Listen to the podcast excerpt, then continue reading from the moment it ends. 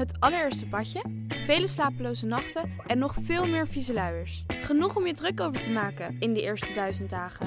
Dan wil je je niet ook nog eens druk maken over wat er in je babyproducten zit. Daarom houden wij het clean en simpel bij Naïef. Met zachte verzorging voor de gevoelige babyhuid. Zonder microplastics, minerale oliën en alcohol.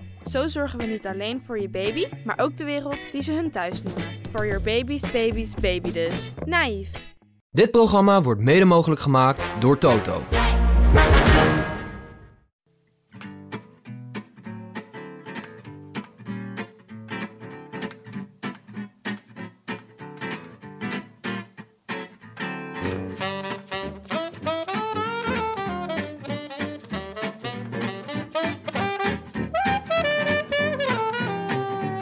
Maandag 3 april 2023. Eén dag naar Slobbeloen. En live vanuit de Dagnacht Studio's is dit de Rode Lantaarn.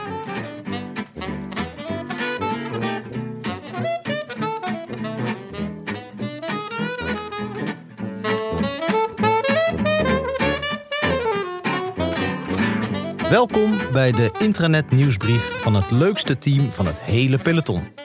Vandaag met een wel heel speciale gastschrijver. Onze favoriete leider, Fabio B. Hoi jongens. Zoals de meesten van jullie wel weten, waren we de afgelopen weken in Vlaanderen om een paar wedstrijden te rijden. En heel leuk om te vertellen, het ging supergoed. Eerst in Harelbeke, waar het erg koud was, eindigden we mooi als derde. En zondag in Oudenaarde mochten we zelfs de ruikers mee naar huis nemen. Een hele mooie opsteker. Dank aan alle ouders en partners voor het aanmoedigen, aan de ploegleiders voor het rijden en aan de mensen van de organisatie voor het heerlijke patatje na afloop. Het was echt een hele leuke middag met een hele gezellige sfeer. Natuurlijk is het super tof dat we ook nu weer konden winnen, maar het belangrijkste is dat we lekker hebben gespeeld tegen een sportieve tegenstander. Mathieu, die ook enorm zijn best deed. Goed gedaan allemaal. Heel veel beterschap voor Tim. Dan ben ik jullie nog een paar traditionele wist je datjes verschuldigd. Wist je dat er ook momenten zijn dat Tadej een patatje afslaat? Mikkel de uitdrukking lang gezicht een nieuwe betekenis heeft gegeven? Sjoerd Baks bij ons in de ploeg rijdt? Hihi. De ouders van Matteo weer niet hebben gereden? Jongens, neem eens op als we bellen. Vlaanderen geen land is? De oude Quaremont en de nieuwe Quaremont praktisch even oud zijn? Tadej zo hard rijdt dat mensen er stijl van achterover vallen? En dat het volgende week Parijs-Roubaix is en we nog een plekje over hebben. Sportieve wielergroet en dank voor een geslaagde wielerweek. Fabio B. alias de Jankert van Oudenaarde. PS, Mark Hirschi heeft volgende week bardienst. Het zou wel een goede barman zijn, denk ik, Mark Hirschi. Ja, hij komt nooit opdagen, denk ik. Frank, Jonne. Giertje! Gier, gier, gier, gier. Zullen er al mensen echt in de vangrail rijden als wij, eh, als wij Tim begroeten inmiddels? Eh, ik ben heel blij dat ik jullie weer zie, jongens. Ik heb jullie toch 24 uur, nee, 12 uur moeten missen. Ja, Ja. Het, is, het is niet lang geleden dat we elkaar zagen. Nee, en we hebben elkaar ook eh, intensief gezien. Je kunt elkaar zien en je kunt elkaar even meemaken. Je kunt koffie drinken of met elkaar een dagje op uittrekken. Maar wij hebben echt alles van elkaar gezien. Jonne, zei gisteren in de auto, ik heb het gevoel alsof we zes weken met elkaar op vakantie zijn geweest. Is dat dan een compliment of is dat een belediging? Ik weet het niet zo goed. Ja, beide. Nee, maar- beide. Volgens mij deelden we dat gevoel allemaal wel. Tenminste, ik heb me gewoon eh, opnieuw aan mijn vriendin thuis voorgesteld. Dat was echt, ik vond het heel raar dat ze er nog een beetje hetzelfde uitzag. Ja, het, op een gegeven moment hadden we het over de Laplace, waar we de eh, nou ja, zaterdag Middag. waren geweest. Zaterdagmiddag waren geweest. En dat voelde echt als een eeuwigheid. Ja. We waren dus, even voor de luisteraars, zaterdagmiddag naar Vlaanderen gereden, naar Gent. Hunt. Gent, voor de live avond in de Vooruit. Hebben jullie genoten? In voorheen de vooruit. Inmiddels eh, 404. 404, maar dat schijnt een error te zijn. Ehm, Nee, ja. eh, ik heb ontzettend genoten. Ik vond het echt heel erg leuk. Het was best even spannend, want eh, ja, er zitten allemaal Belgen daar ineens. Ja. En wij. Dat is Ehm, heel, heel exotisch voor ons dit. ja, ik denk dat zij ons ook exotisch vonden. Vermoed ik zo. ja, Toch? ja, zeker. We Ik had waren wel ook, het gevoel dat we in het begin net iets meer ons best moesten doen. Dat we, het ijs moest iets langer gebroken worden. ja, Maar op een gegeven moment toen eh, waren we wel allemaal samen, had ik het gevoel. Ja, één geheel. Je, je voelde je één met de zaal. ja, ja, ja, ja. Ik was zo, super mooie zaal trouwens. Echt een heel mooie zaal. Echt schitterend. Als je nog eens een optreden in Gent hebt, Ja, dan zou ik ook voor de, voor de 404 gaan. kies de 404. Heerlijk. En we hadden natuurlijk... eh, Maar je voelde je één met de zaal, maar toch durfde je niet te gaan dansen op het podium. Oh ja, dat heb jij ook nog geprobeerd. Ja, je hebt een heleboel geprobeerd op die Ja, ik avond. heel- dat was echt, heel veel geprobeerd. Ja, dat was het lekkere, dat hij niet online kwam. Ja. Ja. Dus zeg maar alles wat ik, wat ik inhiel, inhoud al jaren... om over van alles en iedereen te zeggen en te proberen en te doen... dat kon eruit. Nou, ik vond het heel knap dat jij het voor elkaar kreeg om in de eerste 10 minuten vier beledigingen op het Belgische publiek af te vuren. en toch vonden ze je nog leuk, ook bij de vijfde. Ja, Ja. ja. nee, eh, mijn theorie is dat, er, dat we een zaal vol masochisten eh, hadden uit- uitgenodigd. Die hadden zichzelf uitgenodigd. En dat die daarna allemaal, want zo eerlijk moeten we ook zijn... in de foyer allemaal naar Jonne toe gaan. Terwijl wij gewoon een beetje bedremmeld in een hoekje een biertje staan te drinken. Eh, om hem te bedanken hoe zij met de zweep hebben gekregen. dat is mijn theorie. Ja, de truc is dat je in België moet je veel grap over Walen maken. Walemark. Eh dus dat werkt. Oh, Ja. oh, was dat jouw strategie? Ja, dat was mijn strategie. Oh, dat eh, had ik er niet direct achter gezocht. En veel ook. Niet gewoon, jullie, jullie Belgen zijn kut. Ik wist niet dat, dat, dat je dat bedoelde als iets om de Walen eh, mee eh, beledigen. En de, en de Vla Flandriëns aan je kant Ik vind de Vlaming voor de helft een leuke grap. Nee, ik was, eh, ik- wat een, het was een ontzettend leuk publiek ook. Na afloop, Ja. eh, toen ik, eh, het is voor mij allemaal een beetje door elkaar heen gelopen achteraf. Want ik heb het gevoel, de avond je? afgelopen. En jullie zeiden, kom, we gaan nog wat drinken in het café. En vanaf dat moment kreeg ik gewoon... Ik had niet genoeg handen om alle eh, pintjes vast te houden die er doorgegeven werden. Ja. Jonne zijn we ongeveer inderdaad twee uur kwijt geweest. Die stond Ja. omringd door een groep luisteraars. Stond hij gewoon als zijn theorieën af te draaien. En niet zomaar luisteren. Er zat gewoon iemand bij die had elf keer blokken gewonnen. Ja, da- daar, daar Oh. raak je niet meer uitgepraat. elf keer! En da- daarna ging de hele avond heel snel. En kan ik me alleen nog het moment herinneren dat eh, we in een café waren waar Bram Tankink met iemand stond te praten. En Jonne zei: Hendrik, Hendrik, doe je nu alweer alsof je Bram Tankink bent? En de twijfel bij die andere man. Dat was echt goed. Ja, maar hij klinkt wel echt als Bram Tankink. Ja. Nee, nee, dat is hem niet. Je had dit ook bij Frank trouwens kunnen doen. Volgens mij eh, ook eh, veel Vlaamse Frank Heijn eh, liefhebbers. Ja, Ja. die zitten, die vind je overal Die eigenlijk. overal, hè? Maar het is wel, het, eh, ik denk dat we in, eh, we, hebben, we hebben een aantal eh, avonturen beleefd ook in nachtelijk Gent. Eh, het is gewoon überhaupt mooi dat eh, Benja, eh, dat, hij, eh, dat er niet allerlei eh, opnieuw castings moeten worden gehouden voor rollen van Benja, waar die al eh, dingen die al bezig Je, zijn. je bedoelt Belgische Benja? Belgische Benja. Ja. Ja, want Ja, we hebben echt een andere Benja we hebben een gezien. andere. Ja, ik heb, ik ken, ik ken Nederlandse Benja nu 20 jaar. Eh, ik ken Belgische Benja nu een paar dagen. Dat is echt een verschil van dag en nacht. Met wie ben je liever bevriend? Nou ja, overdag denk ik met Nederlandse Benja. Maar s'avonds is Belgische Benja wel echt een goeie om erbij te hebben. Ja, je moet hem er wel bij houden. Hij is zomaar weg. Hij was doorzichtig de volgende dag. Ja, dat was. Hij was gekromd. Ja. Hij was gebroken. Hij had een DNF bij het ontbijt. Ja, eh, nog om heel even af te maken. Wij zijn dus eh, in Gent blijven eh, slapen. Ja. In een hotel waar we erg nader tot elkaar zijn gekomen. Zo. Want we lagen bij elkaar op de kamer. En Ja. hier en daar bij elkaar in bed. Ja. Moet kunnen, vind ik. Moet, ik, moet zeker kunnen. Ik lag bij Tank. Die vroeg mij de volgende ochtend of er nog iets recht stond in de, in de kamer. Aangezien ik blijkbaar nogal hard had gesnurkt. Oh. Maar eh, Tank ziet er altijd zo fris uit, joh. Ongelooflijk. Hij ging ook midden in de nacht weg, dacht ik althans. Maar toen was hij alweer onderweg naar die VIP-tent. En toen werd ik wakker. Toen stond, daar had hij volgens mij alweer een biertje in zijn hand. Ongelooflijk. Ja, wij- wij, zien wij- er nu nog steeds verlept uit. Ja, dat ja. wel wezen. Tim, wij lagen bij elkaar in bed. Ja, laten we het eh, zeggen zoals het is.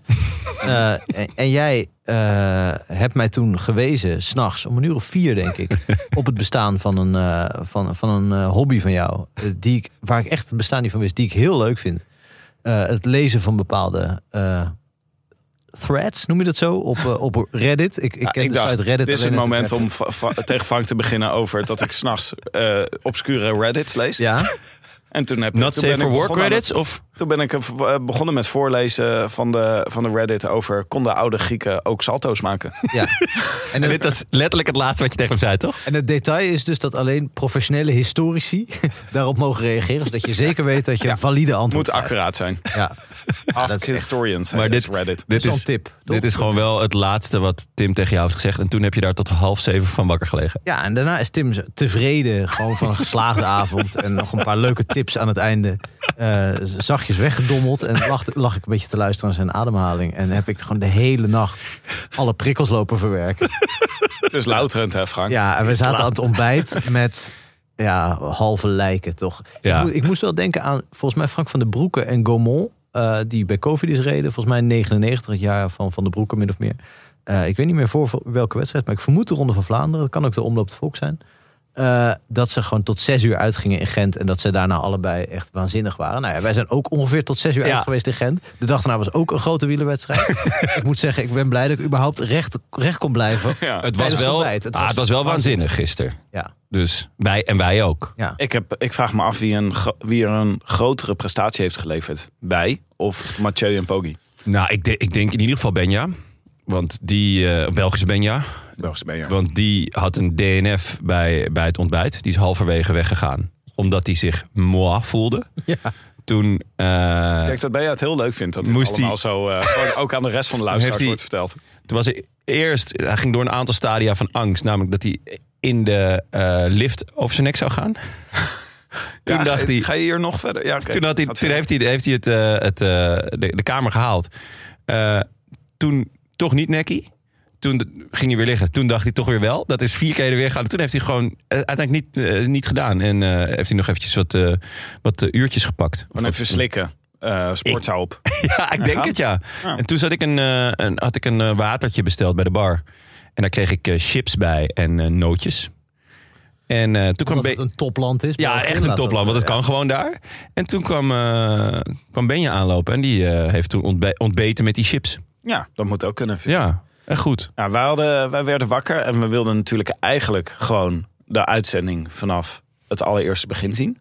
Net Maar- niet gelukt. Net niet gelukt, laten we het zo zeggen. We hebben wel de officiële start meegepakt. Dat wel. Maar dat, dat gebeurt ongeveer twee uur nadat de uitzending begonnen is. Ja, ja, We ja. hadden al wel Ja. wat gemist. Ja, ik had de croissantjes eh, helaas gemist. Maar ik heb alles opgenomen. Dus ik ga, ik ga het, eh, nou ja, lekker nog eens rustig terugkijken. Ja, ik weet nou, nog dat wij, eh, wij inschakelden en het peloton reed over een lange rechte weg. En we hoorden- de eerste zin die we hoorden was Carl die zei... We rijden over een lange rechte weg. Ja, Toen dachten we, iedereen zit er super scherp in. nou, het, was, het was zelfs scherpt op alle niveaus. Want eh, Tim en ik lagen in bed. Gewoon zo, als een ouder echtpaar die zeg maar zondagochtend nergens heen hoeven. En nog even de tv aanzetten. En ik zag een lange rechte weg op tv. Ik zei, jeetje, wat een lange rechte weg. En daarna zei Karel, we rijden over een lange rechte weg. En toen dacht ik, het is ook geen kunst ook dat commentaar geven eigenlijk. Hè? Ik schud dat zo uit mijn mouw. Ik denk Ja. dat eh, iedereen nu al op het puntje van zijn stoel zit over dit verslag over de ronde. Ja. dus echt, het mag je allemaal niet missen. Maar wij Ik was wel echt blij dat jullie... Want laten we wel weten, Belgische Benja was echt ver heen. Eh, dat gold ook... eh, Bij allemaal, hè? ja, ja, dat gold ook voor, eh, voor ons. Eh, Tim moest eh, aan het einde nog even de auto aan de lader zetten. Gelukkig wel in de garage. Maar toen heeft hij wel gevraagd... Jonne, kan je alsjeblieft met me meegaan? En toen hebben we uiteindelijk niet, langer, niet harder dan 8 kilometer per uur gereden. Nou, zoiets, inderdaad. Ook verboden, denk ik. Ja, dit is Ja, dat is- eh, leuk dat dit allemaal op tape staat. even, even over... het, was eh, in, het was in de, we zijn in de garage het gebleven. was hè? al lang doorgegaan naar de dag hierna. Hè? Dus, eh, maar er zitten zijn nog zoveel details. Ja, je mag er gewoon... Weet je wat? Je mag er tijdens de- deze aflevering mag op terugkomen. Oké, is goed. En want eh, wij waren dus... Wij waren nog steeds in Gent. Gent. En de volgende dag gingen we koers kijken bij Jumbo. Ja. Dat eh, waren we uitgenodigd. Dus dat was heel erg leuk. Zeer sympathiek. Op de Hotond. Op de Hoton. Of de Hoogberg. Zelfnaam. Ja. Niet super hoog, maar het was wel leuk. Ja, was heel leuk. Ja, en eh, wij, wij eh, moesten daar eerst eh, naartoe rijden. En wat ik wel een leuk moment vond, was dat we... Volgens mij waren we een soort van half op het parcours terechtgekomen op een gegeven moment. Ja, En toen niet zei half ineens hoor, iemand- helemaal. Toen zei, toen zei een van jullie... Volgens mij komt daar het peloton aan. maar achteraf dacht ik nog, dat gedoe hè, met DSM. Over dat ze eerst langzaam gingen rijden en toen ineens harder. Ja. Dat hebben wij volgens mij voor onze ogen ook gezien. Want de Ja. Maar peloton 100 kwam meter heel langzaam eh, aanrijden. Wij konden gewoon rustig parkeren, uitstappen en eh, langs het parcours gaan zagen staan. we ze steeds aankomen. keihard aanrijden. Ja. Ja, klopt. En toen zat David nog in de achterbak. Ja. Niemand weet wie David is. Hè? Als je Nee, we hadden nog een vriend. David in Dat was een vriend van Benjamin mee. En eh, daardoor waren we met zes. Eh, Vriend dat, van Benja en jou en van de show. en van de show ook, ja. En, en ja, zes is één iemand te veel voor de Attila Valter. Maar gelukkig was er een ruime achterbak. Ja, daar hadden we gewoon niemand in gestopt. Dat is ook illegaal, maar jij roept het gewoon allemaal. Jij stopt dit allemaal aan de podcast.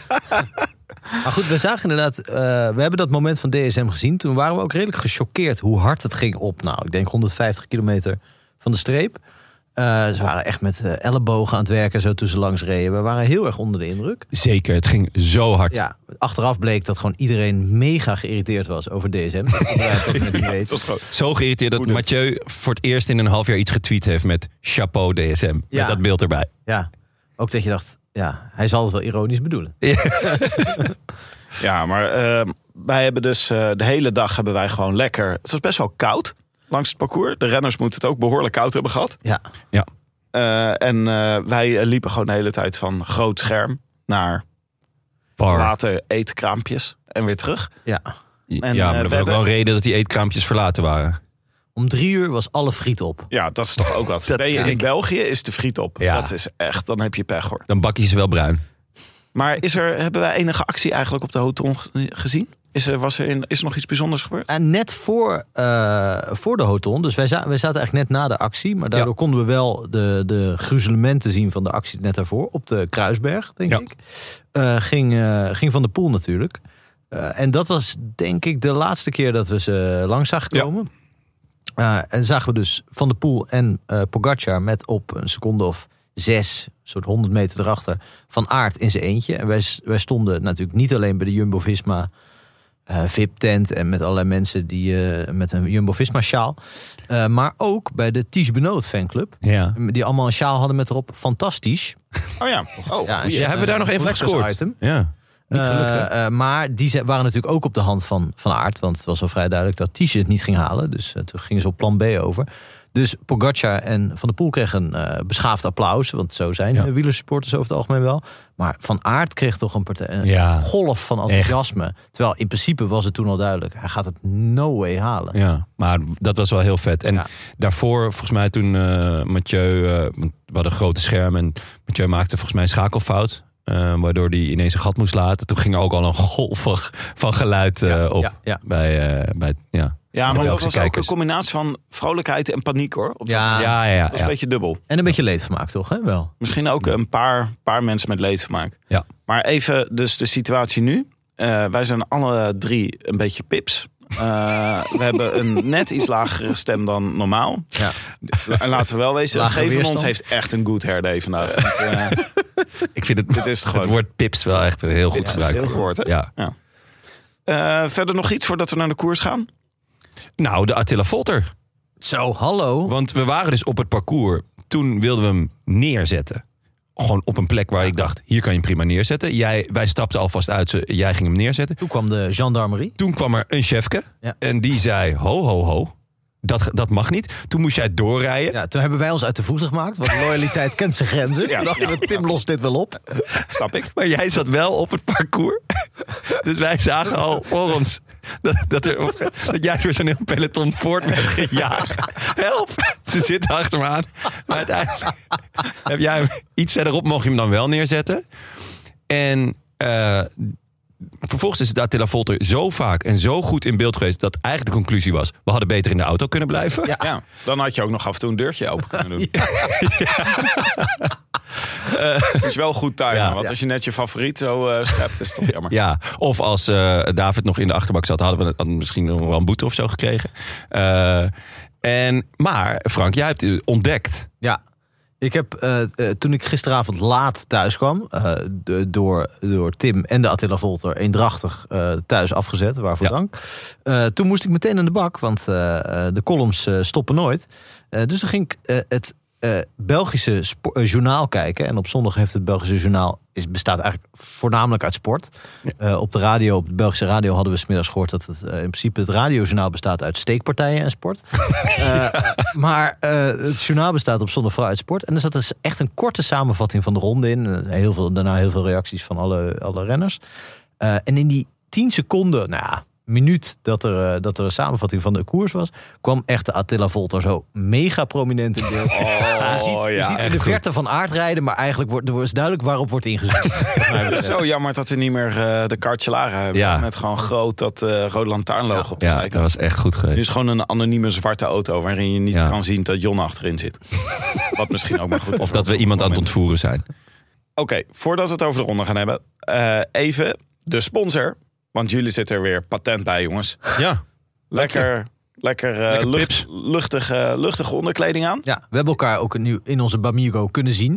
Dichtbij. Ja, dat was ook. Ja, inderdaad. En het zat bij jullie ook als gegoten. ja, het stond jullie echt goed. Echt het kledingmerk van de toekomst. Ook deze week is onze sponsor weer Bamigo, het kledingmerk van de toekomst. Zoals jullie weten, met boven- en onderkleding. En bovenkleding gemaakt van bamboe. Dat is zacht, luchtig. Ja. Ja, En heel fijn. voor sommige dieren ook nog lekker om te eten. Eh, met de kortingscode Lantaarn20 krijg je 20% kennismakingskorting. En ik kan het iedereen aanraden, daar mag je zo bij ons de hotelkamer oplopen. Weet wat je zegt. Ja, weet wel wat je zegt. Ja, dat is waar. Misschien is Er het wordt leuk. flink gesnurkt namelijk. Vorige keer hadden wij een waslijntje met Bamigo's bij ons op het podium. Oh ja. Ja, dat nu hadden we twee eh, Ridley fietsen hadden we staan. Ja, ook. Oh man, die ja. zwarte met gouden. Oh la la la la la. Oh, mooi. Ja. Eh, Oké, laten we het dan hebben over de koers. Moet je de code niet nog even nog een keer... Heb ik eh, nog een keer. Ja. Lantaarn 20? Lantaarn 20, 20% kennismakingskorting. Nou, schitterend. Oké, de ronde van Vlaanderen van dit jaar. 273,4 kilometer. Maar zoals we op de Belg zeiden, als je ook naar huis moet fietsen, is het 300 kilometer. Ja, en een stukje naar de bus. En eh, je moet ook nog even... Bleef maar optellen. Ja. Dan moet je nog naar de play. Dan moet je ook om een stuk omfietsen. En eh, De patattekes afgieten was voor jullie blijkbaar een, een uitdrukking was die jullie allebei niet kenden. We kwam ja, wel. moment in de Sporza Live ticker langs. Eh, eh, eh, ik hoorde Maaike zeggen, wat zijn ze nu aan het doen? Het Ja. is, dat is naar het toilet gaan, toch? Ja, ja, ja, de patatjes afgieten, ik had Ja. er echt nog nooit van gehoord. Dat is Ja. toch ook heel, waarom, Ik wel. Nou, dat, ja, je moet dat een beetje beeldend voor je zien, denk ik. ja, gewoon. Ik, ik zie het nu beeldend voor me. Maar wat ja, zijn het treft de luisteraar patatjes? weinig aan, maar ik... eh, Nou, het is natuurlijk, eh, we keken eigenlijk van tevoren keken we uit naar ehm, de grote drie. En ik denk dat er in de sterren al stond geschreven dat Poggi het zou proberen op de oude Kwaremond. En altijd de combinatie met de Paterberg vlak daarna. Ja. En de oude Kwaremond is vooral lang en de Paterberg is ook wel stijl. Vooral heel stijl, want die is Vooral maar heel kort. stijl. Ja, precies. En eh, nog een heleboel beklimmetjes, daar, beklimmetjes daartussendoor. En eh, de Hoton, was die nog eh, was die belangrijk in het parcours? Ja, altijd wel, toch, als wij er staan. ja gewoon eh, even, voor, even voor de... Er zijn renners die daar een enorme mentale opsteker hebben. Ja, dat is het gewoon. Ja, dat moet je wel ja. vertellen. En wij begonnen dus eh, nou, vlak voor de start. En het was echt chaos de eerste 100 kilometer Ja. pakweg. Ongelooflijk, 100 kilometer zonder kopgroep. Er mocht niemand weg. Nee. Nou, ik denk dat het kwam er eigenlijk wel een beetje op neer... dat gewoon een heleboel mensen bedacht hadden dat ze in de kopgroep moesten zitten. Ja. En ik denk dat dit kon door Padlef. Die Ja, heeft toch namelijk wel? Gewoon, ja, die heeft namelijk zijn hele ploeg straf gegeven. Iedereen moet mee in de vro- vroege vlucht in principe, in elke koers. En dat, was, dat veroorzaakte dus hier de chaos. Dat, eh, Denk je dat die straf zeg maar ploegoverstijgend is? Dat andere eh, ploegen dat ook bij zichzelf denken, shit, Die denken, ja. misschien komt hij ook achter mij aan. Maar je verwacht het ook niet van Quickstep, toch? Dat is gewoon, die gingen ook mensen terughalen en zo. Ja, Dat die al zo vroeg in de koers? bedoel, Op zich vind ik het wel eh, aan te moedigen. Ik zal eerlijk toegeven dat ik op zaterdagavond eh, in Gent voor een volle zaal eh, Vlamingen eh, mijn theorie heb ontvouwen dat het één groot masterplan was van Lefebvre en dat die zondag iedereen op een hoopje zou rijden en dat Van Aert, Van de Poel en Pogacar niet zouden weten hoe ze het he- hadden met Lampaard en Asgreen. Dat pakte net anders uit. Maar, Net anders. nee, maar ik vind het wel van een soort realiteitszin en een soort strijdbaarheid getuigen. Dat je denkt, ja, eh, ik kan wel met ze naar de oude Kwaremond rijden, maar dan lig ik er sowieso Ja. af. We, Ja, we moeten iets verzinnen. En qua realiteitszin was het natuurlijk best zoekende bij eh, Padlef. Want die weigerde te geloven. Dat ze minder waren. Ja. ja. Ja, Maar- zaterdag verscheen nog een eh, interview met hem in de NRC. Waarin hij zei, eh, die gele zijn niet minder dan wij. Ja. Eh, wij zijn niet minder Wij dan zijn gele. niet minder dan die gele. Dat was het. Daar bedoelde die Jumbo mee. Ja. Voor de, voor de Ehm, duidelijkheid. ja, terwijl het wel duidelijk was dat het wel zo is. Maar ja, ze gingen nu in ieder geval eh, ja, eh, iets anders proberen. Ja, dat was wel leuk. En wij Ja. shockten ondertussen naar beneden. Heerlijk ontbijtje gegeten. Ja, veel fruit. En we hadden de Goed. secours hadden we op de telefoon hadden we aanstaan. Die leunde zo tegen het zoutvaatje aan. En toen was het ineens duidelijk. Bahrein heeft een waaier getrokken en Tjeu zit er niet bij. Ja, het is een beetje omgekeerde wereld eigenlijk. Want normaal gesproken doen, doen toch Nederlandse of Belgische ploegen dat. En dan eh, zit de rest een beetje te kijken van... Ké? Ja. Ehm, maar ja, Mathieu zat niet bij. Hij zei daar zelf over echt een fout. Was het ook gewoon. Maar hij zegt dus... eh, ik zit graag de eerste paar uur van een koers eh, een beetje achterin. Mhm. Dat vindt hij Een prettig. beetje buiten het gedrang en zo. Ja, dat vindt hij prettig. En ja, dat, dat, dat pakt nu eh, ja, best ongelukkig uit. Want Alpecin moest daardoor flink aan de bak. Ehm, en Nou, met- en wel 40 minuten of zo. ja, Ze 40 moesten minuten echt, voordat eh, ze... Want het, ze waren echt wel een halve minuut, eh 40 seconden waren ze... Ja, lagen ze achter op een gegeven moment. En toen eh, moest er echt eh, flink hard doorgetrapt worden. Maar daardoor werd er van voren ook flink hard doorgetrapt. Eh, en was het nog moeilijker om weg te komen. Maar ze hebben daar met name Søren Andersen eh, en eh Dillier... Hebben zich, eh, ja, hebben zich moeten opofferen eigenlijk. En Ska bleek dus achteraf al een beetje ziek. Ja, dus het was minder erg dan het leek, toch? Eh, ja en nee, want ik, ik las gewoon letterlijk een dag van tevoren een interview met Ska dat hij zegt van ik ben, ik ben een schaduwfavoriet. En eh, hè, het- als het En allemaal was omdat goed, hij koorts had. omdat hij geen schaduw van zichzelf was. Of, of omdat hij, aan het eilen was. Oh ja, ja, nee, dat zou goed kunnen. Maar dat vind ik dan een beetje raar. Maar ja, wielrennen is natuurlijk ook hè, deels toneelspel. Ja, bij Padlef moet je ook denk ik niet alles helemaal zeggen. Tenminste, misschien wel. Maar Alles, ik- ik alles hoop- neem ik bloedserieus. Ja. Ja, maar ik had wel het gevoel dat ehm, we een hele sterke Mathieu gisteren hebben gezien. Ja. Maar dat hij op verschillende momenten toch een beetje steekjes liet vallen... waardoor hij onnodige energie verspeelde. Hij zei zelf Dat- de sterkste Mathieu, praktisch. Ja. Ja, maar dat kan wel zijn. Maar als je dus op een heleboel momenten onnodige energie verbruikt... dan kom je dat toch aan het einde weer tegen. Ja, ja. En dit was er toch wel zo één. En ik weet niet hoeveel energie die zelf heeft verbruikt. Want uiteindelijk was het toch man tegen man. En hij heeft er niet heel veel in de wind gereden, zou je kunnen betogen. Mm, ja, even, nee, ik. dat zei hij zelf ook. heb hem wel wat werk Maar hij, hij, ehm, hij, hij zei, ik heb zelf niet heel veel in de wind gereden, maar mijn ploeggenoot wel. Waarvoor excuses, want dat was niet nodig geweest. Ja, hij zei dat was echt een fout. nou, wij waren echt een beetje in paniek. Ik zag Benja echt groen wegtrekken en weglopen. dus dat was echt... Ja, eh, Benja was echt één grote doorzichtige brok paniek. En uiteindelijk kregen we dus wel een kopgroep. Onder meer met Daan Holen. Ja, Jeetje, wat een Frank, dag was het eigenlijk. wat een hè? dag, Want we kunnen nu het over de koers gaan hebben... en over wie er gewonnen heeft en wie de beste was... en wie er een fout heeft gemaakt. Maar het was natuurlijk gewoon de dag van Daan Holen. ja. En van de Holekens. En de Hooligans, ja, dat wij- werden omgedoopt tot Hooligans. Ja, terecht. Ja, aangezien we ook het, het nummer eh, van Atomic Kitten vrijwel de hele tijd hebben gezongen. You Can Make Me Down Hole Again.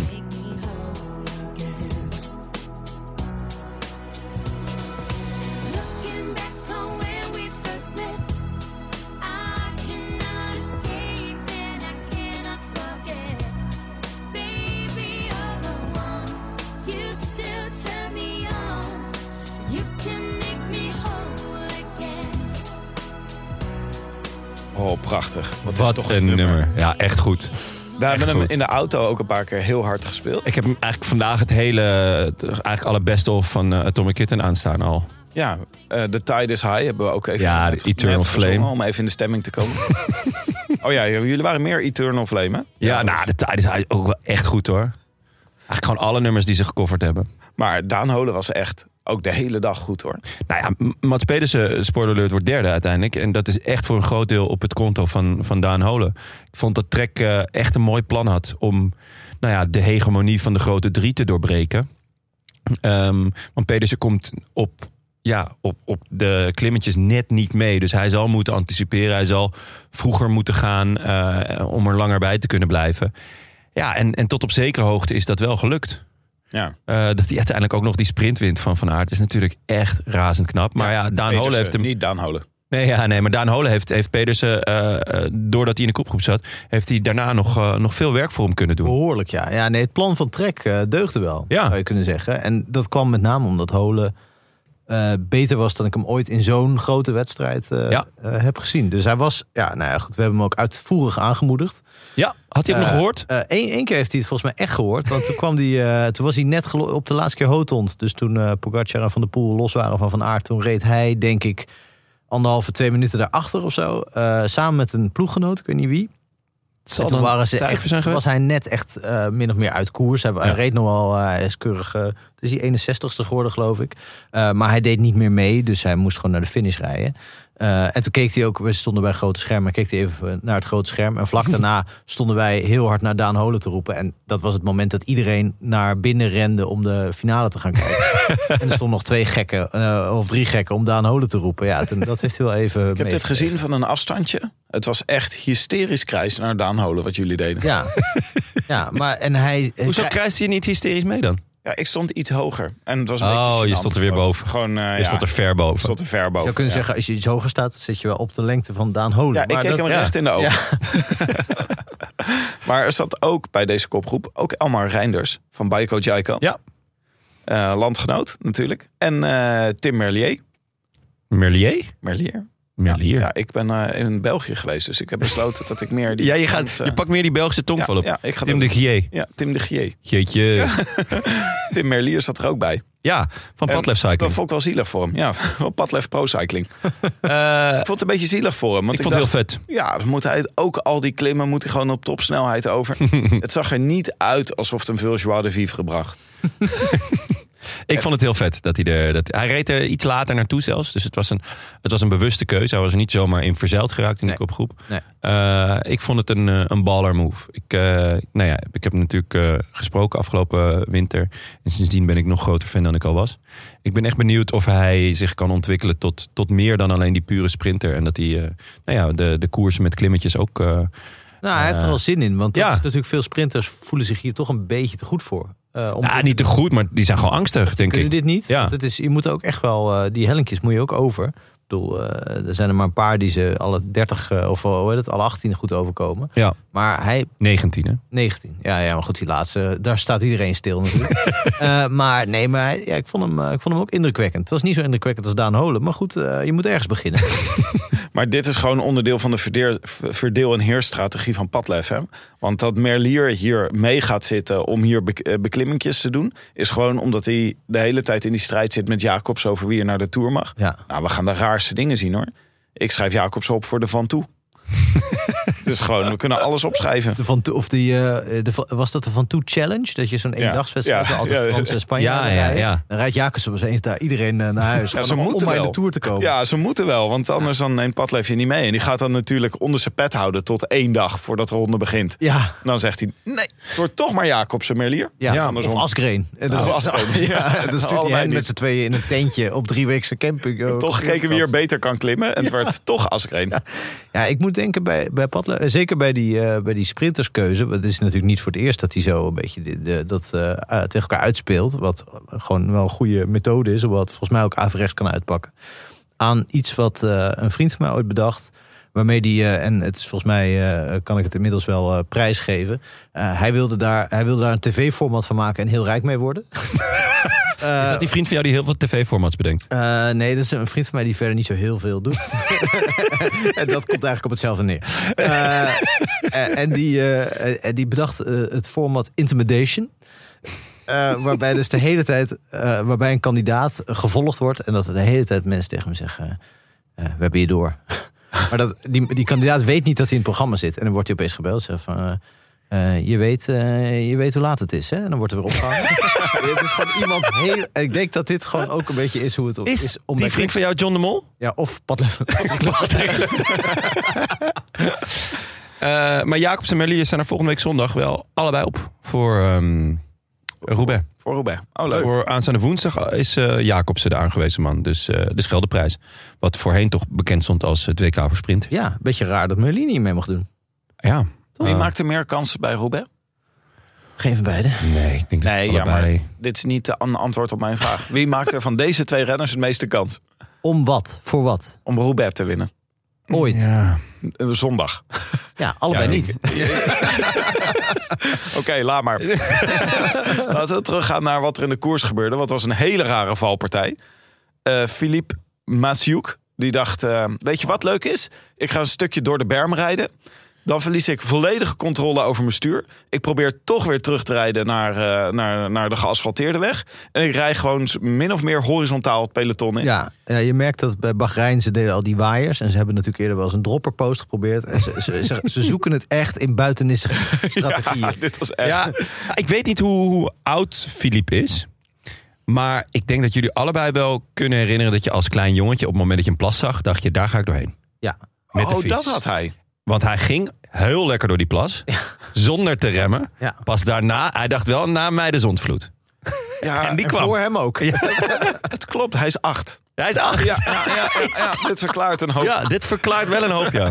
Maar dan heeft hij dus ook, is hij niet gedisqualificeerd, maar is hij gewoon op de Nolly spot gezet door de UCI. Kom maar terug als je afgekoeld bent. Ja, maar dit was echt. Ik kan me ook. Ik, eh, je kan je die splitseconde ook voorstellen dat hij dan op dat moment denkt: oh shit. Hij Oh, kijkt nee. daarna ook nog even naar zijn eigen fiets, want daarna Ja. is er een soort Ja. slagveld. Ja, achter hem. Ja, wat Oh. voor gezicht trek je dan? Ja, het is een beetje net bij, bij, eh, bij tennis of bij padel... dat je een- bal slecht laat en dan even naar dat racket kijken. Ja. Van wat doe je nou? Ja. Ja. En bij tennis kan je dan nog zoiets aan die snaren pullen. Ja, kan bij padel is dat echt... eh, Doen alsof hij de bal het frame geraakt heeft. Terwijl je gewoon weet dat dit een enorme afzwaaier was. Ja, Ja. zoals een vriend van mij altijd zei, er zit een gat in mijn racket. Maar het was echt een slagveld. Het hele het halve peloton vloog, eh vloog ja, onderuit. grote naam ook erbij. Ellendig om te zien was het wel. Ja, het was. eh, Van Aert, Alla, Sagan, Stuiven, Tim Wellness. Ja. eh, Tim Ben- Wellness had gelijk, eh, die, had gelijk, die wist gelijk, het is mijn sleutelbeen. Ja. Ja. Ja, Tim Wellens gewoon Tim, Tim, Wellness. ja, er zat, er zat een, een, een wellness bij, de, bij ons hotel. Ja. Die werd vrij snel omgedoopt tot de Tim Wellness. Nou ja, het, het Eh, was gewoon was dus Tim Wellens? tussen Tim Wellens en de Tim Wellness. Ja. Zondag. We hebben voor, de- voor Tim Wellens gekozen. Ja, ja, wat echt een eer is. Eh, Tim Wellness en eh, Ben Turner, allebei eh, moesten, ze, moesten ze afstappen. Ja. Stuiven, die, die, er werd gezegd dat hij er minutenlang bij zat.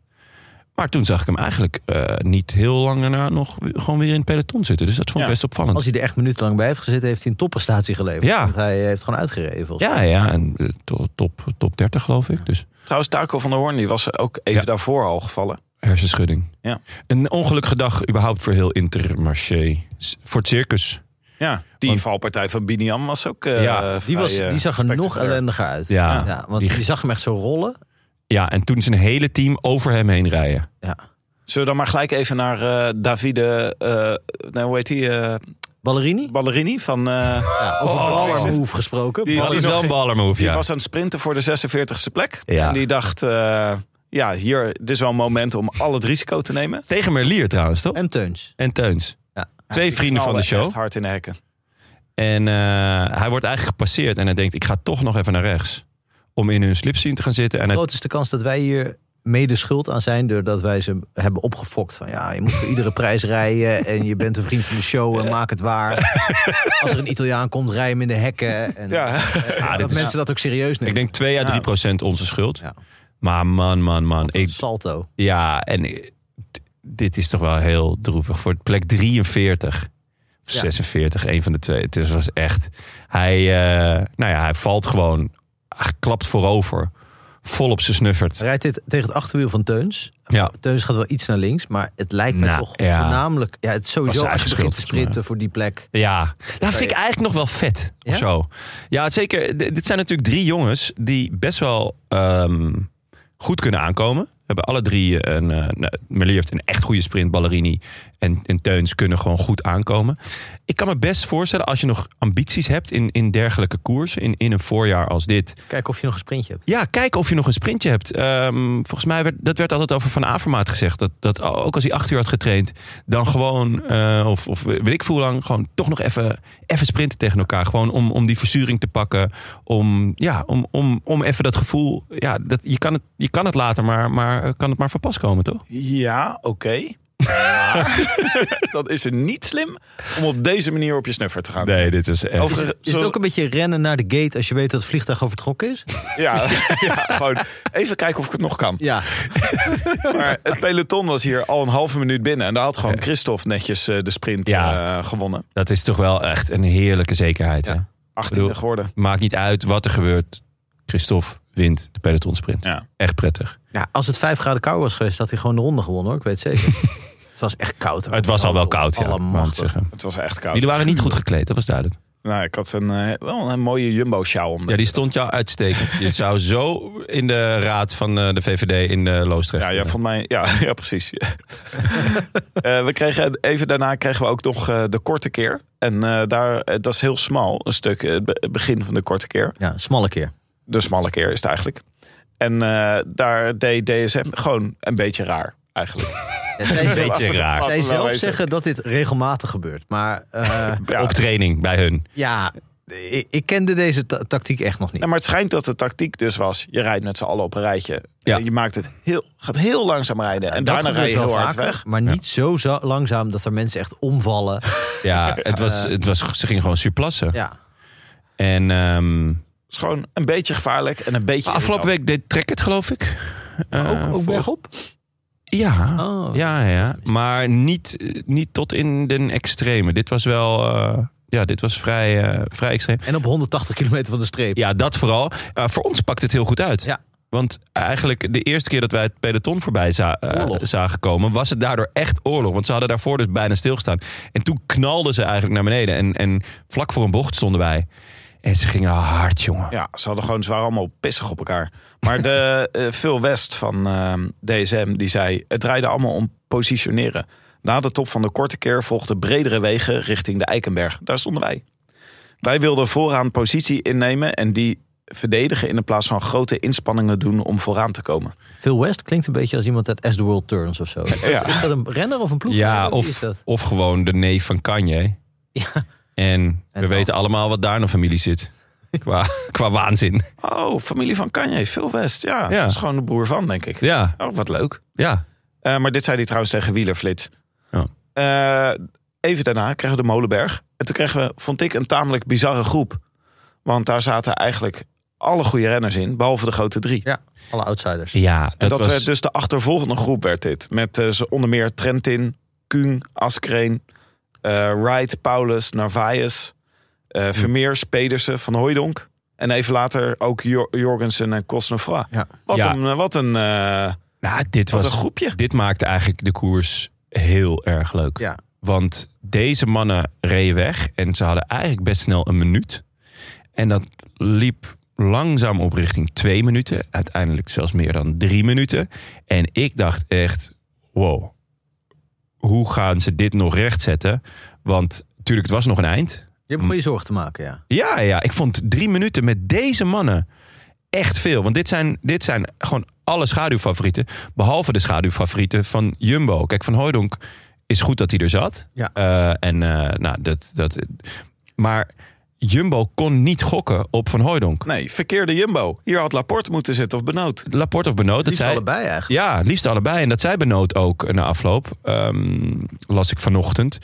Ik vond gisteren namelijk deed Jumbo alsof ze het heel goed hadden gespeeld. Ja. Eh, waren Ja, de perfecte koers. De werd perfecte gezegd op de koers. Tv. dat ik dacht, hè, eh, eh, van tevoren zeg je, nou, ik weet niet zeker of Wout eh Mathieu en Poggi kan volgen. Maar we hebben een brede ploeg. Op deze manier, zoals het nu ging, zijn eigenlijk je twee sterkste pionnen na Wout van Aert, namelijk Benoot en Laporte, niet in het stuk voorgekomen. Benoot wordt uiteindelijk dertiende. Die moest volgens mij lossen op de tweede keer Quaremont. Eh, en daarna hebben we hem eigenlijk niet meer gezien. Laporte, Laporte ging daar nog goed mee. Hè? Ja. Maar je weet, de kans dat hij echt meegaat... de laatste keer Quaremont, de laatste keer Paterberg... is heel klein eh, als Pogacar en Van der Poel gaan. Ja. Dus stuur ze vooruit, toch? Ja, stuur ze vooruit. En, en zorg dat, dat je die, die, die kracht in de breedte daadwerkelijk kan benutten. Want nu zit je eh, toch te kijken, zit je zelf in het peloton. En ze, kijkt het peloton naar jou van... oké, maar ga je dit gat nog op laten lopen? Want jullie zitten met, alleen met Van Hooijdonk. Ja. Wat natuurlijk gewoon een prima renner is. Maar die gaat het niet winnen van eh Trentin, Kung, Asgreen, Wright... Paulus, Narvaez eh, eh, of Pedersen. Ja, maar het belangrijkste misschien is nog wel dat eh, Van der Poel of Poggi, die gaan niet achter deze groep aanrijden omdat Van Hooijdonk erbij zit. Dus dat, Nee. je wil eigenlijk forceren dat eh UAE dan moet gaan rijden. Ja, Maar dat is ja, eh, Dat Niet deed UAE op een gegeven moment wel een beetje. En, en ook Alpecin wel een beetje. Maar uiteindelijk ja, moest Jumbo ook toch ja, mee gaan draaien. Want het, het gat werd gewoon te groot. Nou, en, UAE nam daar wel echt eh, Ja. de leiding in, toch? Het is Ja, ja. echt volle bak. Daar Ja. zag ik Mikkel Bjerg dingen doen. eh nou dat was eigenlijk even later. zelf ook Ja. niet wist. Want op de berg ten Houten kwamen uiteindelijk de eerste groep kwam bij de tweede groep. Toen kreeg je de tweede keer Oude Kwaremond. En ja, dus toen de, dus ging de, UAE de tweede echt- groep, dus met die grote de, de schaduwmannen, kwam bij Daan Holen. Ja, Holen en Daan Holen. Hugo Hoel. Ja, Wat, ja, wat fantastisch was. ja dat ze Hoel bij en Holen bij ja. elkaar, dat was echt goed. Hol en Hoel. Ja, En, eh, ja, eh, en toen dus op de Oude Kwaremond, toen ging UAE echt helemaal los. Daar aan de voet van de, van de oude Kwaremond. En toen vond ik dus eigenlijk ook dat... Ik weet niet waarom Van Aert en Van de Poel zo ver naar achter zaten. Kijk, ik heb hier een plaatje bij gezet. Maar ze zitten dus echt... eh, er zitten allemaal... eh Quickstep zit er nog tussen. Bahrein zit er tussen. IF Education mensen zitten er tussen. Op het moment dat de UAE aangaat... en Poggi wordt echt zo opzichtig gelanceerd. Ik had het zelfs door. Ja, want ehm, eh, Van Aert zit op dat moment in, nou ja, wat is het? Twaalfde positie of zo. Ja. En eh, Mathieu daarnaast. Mathieu ernaast. Mhm. Terwijl Poggi heel duidelijk zegt... Oké jongens, had hij trouwens ook van tevoren al gezegd. ja. Eh, het is koers de vanaf de eerste keer. Kwaremond... maar de tweede keer Kwaremond eh, wordt knallen. En hop, daar ging hij. Maar En- eh, zou dit, zou dit eh, onoplettendheid zijn? Dat kan ik me eigenlijk niet voorstellen. Je kan natuurlijk ook gewoon eh, mensen blokkeren... en zorgen dat ze niet bij je in het wiel komen zitten. Door de Nee, bijvoorbeeld maar alle, DSM, alle DSM'ers waren al gelost. Ja. Dus het blokkeren was al geweest. voorbij. Ja. Nou, het was ook volgens mij wel een slimme tactiek die ze gebruikten om het al eh, het heel erg gas te geven vlak voor de Kwaremond. Dus iedereen zat zeg maar daar op zijn tandvlees. En het was Ja. niet heel erg positie kiezen meer, als wel gewoon Op keihard gaan. Ja. ja. Ja. En eh, dat deden ze dus met de UAE. En ja, die, wat Poggi daar ook deed op die tweede Kwaremond, dat was echt. eh, de- die groepen lagen drie minuten voor. En dan rij je gewoon anderhalve minuut af. Ja, in één beklimming. Echt insane. Echt als een vuurpijl ging die daar naar boven. Ja. Eh Pitcock die moest daar de achtervolging doen. Maar die moest eigenlijk al wel snel plooien, toch? Ja. Die, Maar ze gingen tenminste, bij... hij, kon, hij kon niet in zijn wiel blijven. Dat Ja, was, ik dat vind was heel dat duidelijk. eh, eh, verrassend, toch? Dat dan eh, Van de Aert en Van de Poel bij hem in het wiel gaan hangen. En niet Ja. denken, wij gaan er op volle kracht naartoe rijden. Nou, misschien dacht ze het is nog te ver. Ja, toen, toen had ik echt het idee dat het verschil tussen Van der Poel en Van Aert en Pogacar veel groter was dan het eigenlijk later werd. Ja. W- toen, eh, eh, nou ja, goed, Van der Poel in ieder geval het, het echt nog wel probeerde. En het Pogacar ook nog enigszins lastig maakte. Ja. Uiteindelijk niet, maar ja, op dat moment dacht ik, het verschil is waanzinnig. Hij is gewoon twee keer zo goed als de rest. En Ja. Van der Poel en Van Aert zijn van het niveau Laporte en Pitcock. En dan win je zeker niet Nee. van Pogacar. Maar dat viel later weer anders uit. Misschien Ja. moet je nu wel ook een nieuw soort renner zijn... om goed te zijn in de Ronde van Vlaanderen. Als Poggi dit, de renners als Poggi dit soort dingen gaan doen. Ja. En hij is gewoon wel een stuk lichter natuurlijk... dan Wout van Aert en Mathieu van der Poel. Ja, wie, wie hem misschien op de Kwaremond bij had kunnen houden, is Evenepoel, dacht ik. Ja. Denk je niet? Ja. Die is inmiddels zo explosief. En zo Ja. Ja. eh, ook die net wat langere beklimming. Want in principe is dit natuurlijk echt een eh, beetje atypische klim voor de, voor de ronde. Ja. Die andere zijn eh, een stuk korter. Eh, waarop Van der Poel eh, met name eh, uitblinkt. Maar zo'n lange klim, waar je dus echt het verschil kan maken. En bij spreken een halve minuut voorsprong kan, bij elkaar kan rijden als je zo goed bent. Ja. Eh, ja, dat kan even. Ja, hij tweette dat hij eh, zijn vlucht had gemist en daardoor niet startte in de Ronde van Vlaanderen. Oh, wat Ja. ongelukkig. Wat een gebbetje. Nou, hij had in de vroege vlucht moeten zitten natuurlijk. Dus ja, dat. Goed, eh, we zagen dan toen ook nog... ehm, Ja, de Paterberg. nee, ja, wat er vervolgens gebeurde Daarna bij de, bij de Paterberg... is dat Laporte eh, de oversteek maakte. naar Poggi. Dat vond ik ook weer een beetje raar hoor. Dacht ik van ja, nou moet je bij Wout van Aert blijven zitten. Want nu, Van Aert had het moeilijk om bij eh Mathieu te blijven. Toen dacht ik, ja, was, waar is dit nou precies goed voor? Ja, nou ja, op Sporza vragen ze zich dat ook af. Daar hebben ze allerlei redenen waarom eh, Wout van Aert niet de Ronde van Vlaanderen heeft gewonnen, eh, onder een rij, op een rijtje gezet. En dit was daar één van. Dat dit strategisch niet de beste move was. Nee, ik vond het heel raar. Eh, maar er is ook wel wat voor te zeggen. Kijk, achteraf pakte dus niet zo uit. Niet heel handig uit. Maar je kan, je kan natuurlijk zeggen, we zetten iemand in het wiel van Van der Poel... en iemand in het wiel van Laporte. van eh Pogacar. Ja. En we gaan ze tegen elkaar uitspelen. En we kijken wie het wordt. Ja. Eh, nee, we laten ze zich tegen elkaar kapot rijden. Ja, Maar- want dan hoef je allebei niet te rijden. Je- bij, Ja. bij Poggi hoef je niet te rijden en bij Van der Poel hoef je niet te rijden. De Peter Post move. is Ja. Dat. Ehm, ja, dat was volgens mij een beetje de uitleg van, van Jumbo. überhaupt over wat ze deden. Want hè, eh, Van Hooydonk hoefde vooraan niet te rijden en zij hoefde achteraan niet. Maar ja, dan, dan heb je dus wel het vertrouwen ten eerste dat Van Hooydonk de koers zou kunnen winnen van die andere mannen. Maar later heb je dan ook het vertrouwen dat Laporte met Poggi mee kan. Ja.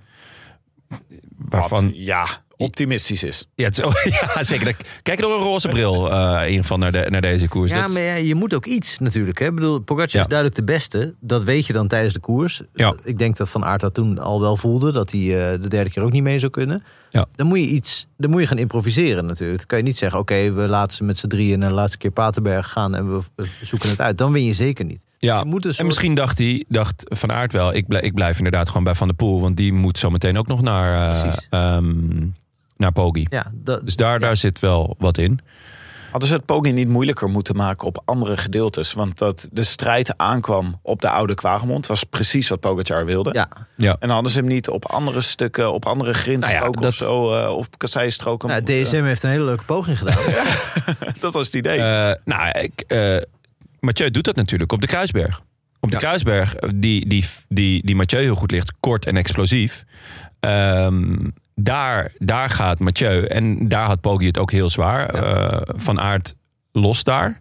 Achteraf zegt Pogacar dat hij daar bijna Ja, op, eh, op knappen stond. Ja, eh, hij is, van, van der Poel is daar het beste in. En het was onverwacht. Dus het was dubbel eh, goed. Dus ondanks dat, dat je weet dat hij daar het misschien gaat doen... omdat hij daar het beste is... waren ze er blijkbaar allebei niet op verdacht. eh, van, Aert en Pogacar. nee. En, en het mooie was zelf, eh, Van de Poel had van tevoren gezegd, we hebben niet echt een plan. Ja. Dat vind ik altijd wel lekker. Ehm, Geloof je het ook? Ja, bij hem geloof ik het zeker. Gewoon eh, hij koerst kijken echt waar het schip strandt. Hij koerst echt op gevoel. En hij zei ook, ja, er werd gevraagd na afloop van... Hey, op de Kruisberg had je wel moeten aanvallen daar... want daar heb je een, eh, een, een cartouche mee verschoten. Hè, waardoor je misschien Poggi niet kon volgen op de, op de Oude Kwaremond. Maar hij zei, nee, ik voelde me daar goed. En dat is, als ik me goed voel, dan val ik aan. En dat, dat heeft hij natuurlijk in ehm eh, Sanremo, weet je wel. Dan voelt hij zich ook goed en dan gaat hij en dan, en dan lukt het. En dat, dat is gewoon zijn manier van koersen. Ja, maar ik denk toch het slechtste scenario van tevoren is dat het aankomt op de derde beklimming van de Oude Kwaremond en je daar helemaal leeg bent. Want dat is wat er nu gebeurde. Denk ik Ja, toch? je- Misschien, je kan- je misschien kan je na- had je kunnen overwegen Ja. Om een plan te maken.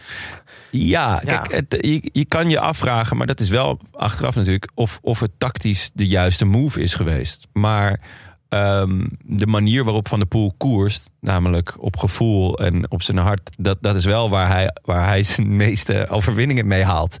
En daardoor is het ook altijd spectaculair en verrassend. Dus ik, ja, ik, weet- ik weet niet of je hem nou per se moet gaan beteugelen. De vraag is of hij niet nog meer zou winnen als hij een plan maakt. Nou, er wordt een beetje gesuggereerd alsof hij dit jaar toch je klinkt echt anders, als een Montsoriaan. anders rijdt. Eh, en dat hij dus wel met plannen gaat. Dus dat hij bijvoorbeeld in Milaan Sanremo heel erg bewust heeft gewacht op één aanval, één moment. Ja, Eh, iets economischer. iets economischer. Toen de camera wegdraaide, bedoel je? Ja, precies. Wat Ja. super handig is. Want dan Ja. kan je eh, eens een keer een aflossing laten doen door iemand uit het publiek. Eh, maar eh, nee, ja, het is. eh, ik denk dat, het, eh, dat hij best. Ja, ik vind het eigenlijk. Ja, ik weet niet of hij geen plan maakt. Tim klinkt nu ook een beetje. Ik denk als zijn boekhouder. eh, Het lijkt me heel kut om de boekhouder van Mathieu van der Poel te zijn. Nou, ik denk jij dat dat zo tamelijk vervelend is. Rond ja. de aangifte, jaarlijkse aangifte, zeggen van goh, eh, heb je nog bonnetjes? En dat hij dan een beetje glazig aankijkt. Eh, De meeste mensen hebben dan zo'n schoenendoos met bonnetjes. Hij zegt, ja, hier in huis zijn wel bonnetjes. Weet je wel. Dan geeft hij je sleutel en zegt, nou, succes. Maar, ja, maar, ja, maar jongens, als ik hier aankom en mensen vragen aan mij... wanneer komt de volgende rode lantaarn? En ik zeg, ik heb geen plan. Maar Ik je, zie wel. Maar ik Tim, ben een laat- gepassioneerd podcaster. Ja. laten we wel wezen. intuïtie, Tim. zaterdag. eh, we hadden een live show in Gent. Ehm, we kwamen daar aan. Niet echt een idee wat we gingen doen. Zijn we daar heel veel geweest voor een soundcheck. Toen moesten we gaan eten. Ja. Vervolgens kwamen we 20 minuten voor de start van, de, eh, van, van het, Oh, van het oh, hele oh, gebeuren oh, kwamen aan. Eventjes, het, En- geen idee wat we gingen doen. Ik heb de hele vrijdagavond voor zitten bereiden. Ja, Ja, jij had geen idee wat je, wat je kan doen. Kijk, jij bent er van de pool. Ik ben gewoon meer Jumbo, weet je. Jij bent meer Alpecin, ik ben meer Jumbo. Ja. Maar het feit was dat we zaten te eten in een restaurant... waar eh, vrij veel andere mensen zaten die naar, die, eh, eh, eh, naar de show zouden gaan. ja, klopt. Tafel achter ons, een aantal eh, jongens slash mannen die, Ja. eh, die er heel veel zin in hadden. Maar die, waren wel, die mochten wel voor, eh, met de, voor de, van de keuken, want die hadden eerder besteld. Dus Ja. die kregen eerder hun eten. Dus zij gingen eerder naar onze show dan wij zelf. En dat is toch Ja, dan- problematisch. En ik merkte ook dat zij op een gegeven moment zenuwachtig werden. Ja. Van, ga, je, ga je nu nog wel Ga die kant op? halen? Ja, er is wel enigszins sprake van de Franse slag afgelopen weekend. Dat Ja. geef ik eh, Ja, Belgisch. geef ik toegeven. Maar het was... eh, ik had toch een beetje het gevoel, toen we bij de laatste Kwaremond aankwamen... toen dacht ik, hij heeft wel al echt veel energie verspeeld... op plekken waar dat misschien niet helemaal had gehoeven. Mathieu. Mathieu. Ja. ja. En eh, volgens mij zat hij er ook gewoon op dat moment helemaal doorheen. Ja. Later komt hij wonderbaarlijk Komt hij er nog Ja, hij kan, het, hij kan herstellen in de koers. Dat is echt bizar. Maar laten we wel weten, op, met die, met die, op de Kruisberg... ehm, dat is wel waar, waar, die, waar die van aard lost, toch? Ja, dat is de plek. Ja, Ja, dus- waar, dus- waar wij even later... En hij moet van aard lossen, want van aard is in principe sneller in de sprint. Ja. Niet altijd, maar afgelopen vrijdag wel. Dus ja, hij, hij moet van hoeft van aard weg. En, Ja. en hij wil wel met Poggi naar de, naar de, eh, ehm, Ja, naar de meet rijden. bedoel je? Ja, van, vorige week eh, vrijdag in de E3. E3-prijs. Ja. Ja. Ehm, Toen zagen we eigenlijk ook al een beetje dat Van Aert met die beklimmingen ja, niet echt net niet. Net niet. En dat Maar- is hier toch wel echt... eh, Toen kwam hij er weer bij. En nu, daar is, daar is de Ronde van Vlaanderen gewoon net iets te zwaar voor. Want het lukt hem nu net niet om erbij te komen. Hoe werkt dat? Want in principe is Van Aert eh, de enige van die drie die massasprints kan winnen. Sterker nog, dat vaak doet. En een van de beste sprinters ter wereld is. Hij is eh, niet na, of na Pogacar, maar in ieder geval veel beter dan Van der Poel in het gebergte. Eh, alles Ja. vanaf een paar kilometer. Dus, Ja. alles vanaf Luik, eh, de Ardennen en zeker het hooggebergte. Dus hij is in principe explosiever, zou je kunnen zeggen. Ja, Hij gaat beter bergop. En toch, op explosieve bergjes is hij de minste. ja. Ja, ik, ik denk juist niet dat hij explosiever is. Ik denk dat zijn topsnelheid uiteindelijk hoger ligt. En daar heb je een massasprint wel wat aan. Maar, Eh, en wat is minder het in verschil een- dan? Mhm. Wat is het verschil tussen explosief en dat hij het langer, langer vol kan houden en daardoor nog sneller gaat. Ja. Dus, dus Mathieu is heel snel op korte stukjes. En eh, eh, Van Aert is sneller over een langere periode. Dan zou de oude Quaremont hem in principe moeten liggen. Ja, maar misschien is die weer, dan weer net iets te stijl. Ja, of, eh, of je bent hem gewoon al kwijt. Hè? Want wat, Ja. wat Pogacar nu deed, in de twee keer de oude Quaremont, is gewoon echt toen de eerste kassei, zeg maar, in beeld kwam, ging die al. Ja. Hij maakt er zo lang mogelijke klim van. Ja. Ja. En dat is dan gewoon, en dan is hij gelijk weg. En als je Ja. dus niet explosief bent, heb je al gelijk een gat. Want ik vond ook eigenlijk, als we even naar de derde Quaremont gaan, waar Pogacar dus echt, nou, ze draaien, ze, je hebt allemaal van die straatje, van die eh, bochtjes daarvoor. Ja. Daar zaten ze nog gewoon met een groepje bij elkaar. Ja. Eh, Peders is er tussenuit gepiept op de Kruisberg, geloof ik. Of Ja, echt. Kruisberg. Ook weer zo slim. Ik snap ook niet, eerlijk gezegd, dat er van, het andere, van de, re- de rest van het groepje... dat die niet met hem meegaan dan op dat moment. Want hij reed weg op een, nou ja, volgens mij een relatief vlak stuk. Ja. Eh, Ja. Echt heel duidelijk anticiperen. Ja, dat moet vermoeidheid zijn. Want voor, Ja, ja, ja. voor eh Kuhn en Paulus, nou eigenlijk voor iedereen, Die daar was zit. dit een gouden moment. Want Ja. je weet, ze komen eraan en ze, ze Ja. vreten hem op als ze op die berg bij me komen. Eén manier om, om deze koers nog te winnen voor Ja. hun. En dat is, dat is eh, ja, Maar die manier waarop Pogacar hem voorbij reed eh, op de, op de Quaremont. ja. Dat was ook echt, ja, er was gewoon geen begin aan. Hij had ook 10 minuten weg kunnen rijden. Ja. Dan had je nog niet gehaald. Ja, ik denk ook dat, dat eh, ze vragen of Pedersen start volgende week in, eh in Roubaix. Want eh, die zou zomaar gewoon verkouden kunnen zijn. Door de, door de wind die, die, die Poggi achterliet. Ongelooflijk. Hij functioneert wel goed in wind. Ja, dat is waar, ja, ja. Maar ik vond het ook echt, eh, ik keek wel een beetje met verbazing naar hoe dat ging. Dat eh Poggi gewoon echt helemaal onderaan aangaat. En niet eens, het is niet echt een demarage. Het is gewoon iedereen burgen. Langzaam. Gewoon Ja. zo.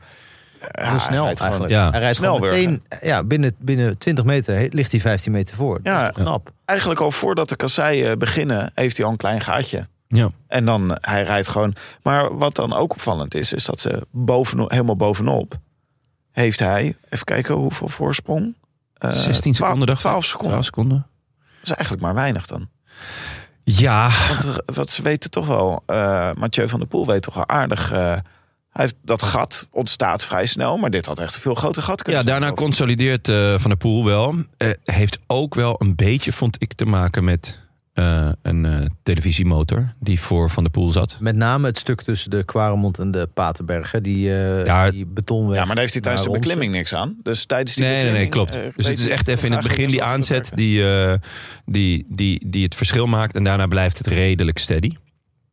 Eh, ja, dat klopt. Dat, En daarna, daarna komt dus, dan heb je dus, die afdaling is best wel belangrijk. Die had ook heel erg wind tegen, toch? Als je dan Ja. de Oude Quaremont afkwam en naar de Paterberg moest. Ja. En daar, had, daar profiteerde Mathieu van de motor, die voor me reed. Vond ik wel. Vond ik wel. Die reed echt heel dicht erop. Eh, ja, mooie beelden, want hij zat best wel stuk. Eh, dus je zag hem echt afzien, wat, wat je niet zo heel vaak ziet bij Van der Poel.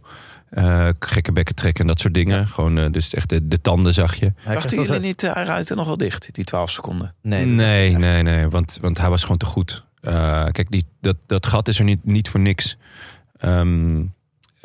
Poggi was gewoon echt, echt de sterkste. En na zo'n slopende koers, om, om het dan nog dicht te rijden in, nou ja, wat was het? Die paar kilometer die er nog zijn, der- Ja. 13 kilometer. Hij begon wel te harken, Pogacar. Maar goed, dat doet hij, eh, Ja. zoals we weten, van de Planche de Belfië altijd. En dan Ja. wil het nog wel eens eh, vooruit gaan. Ja.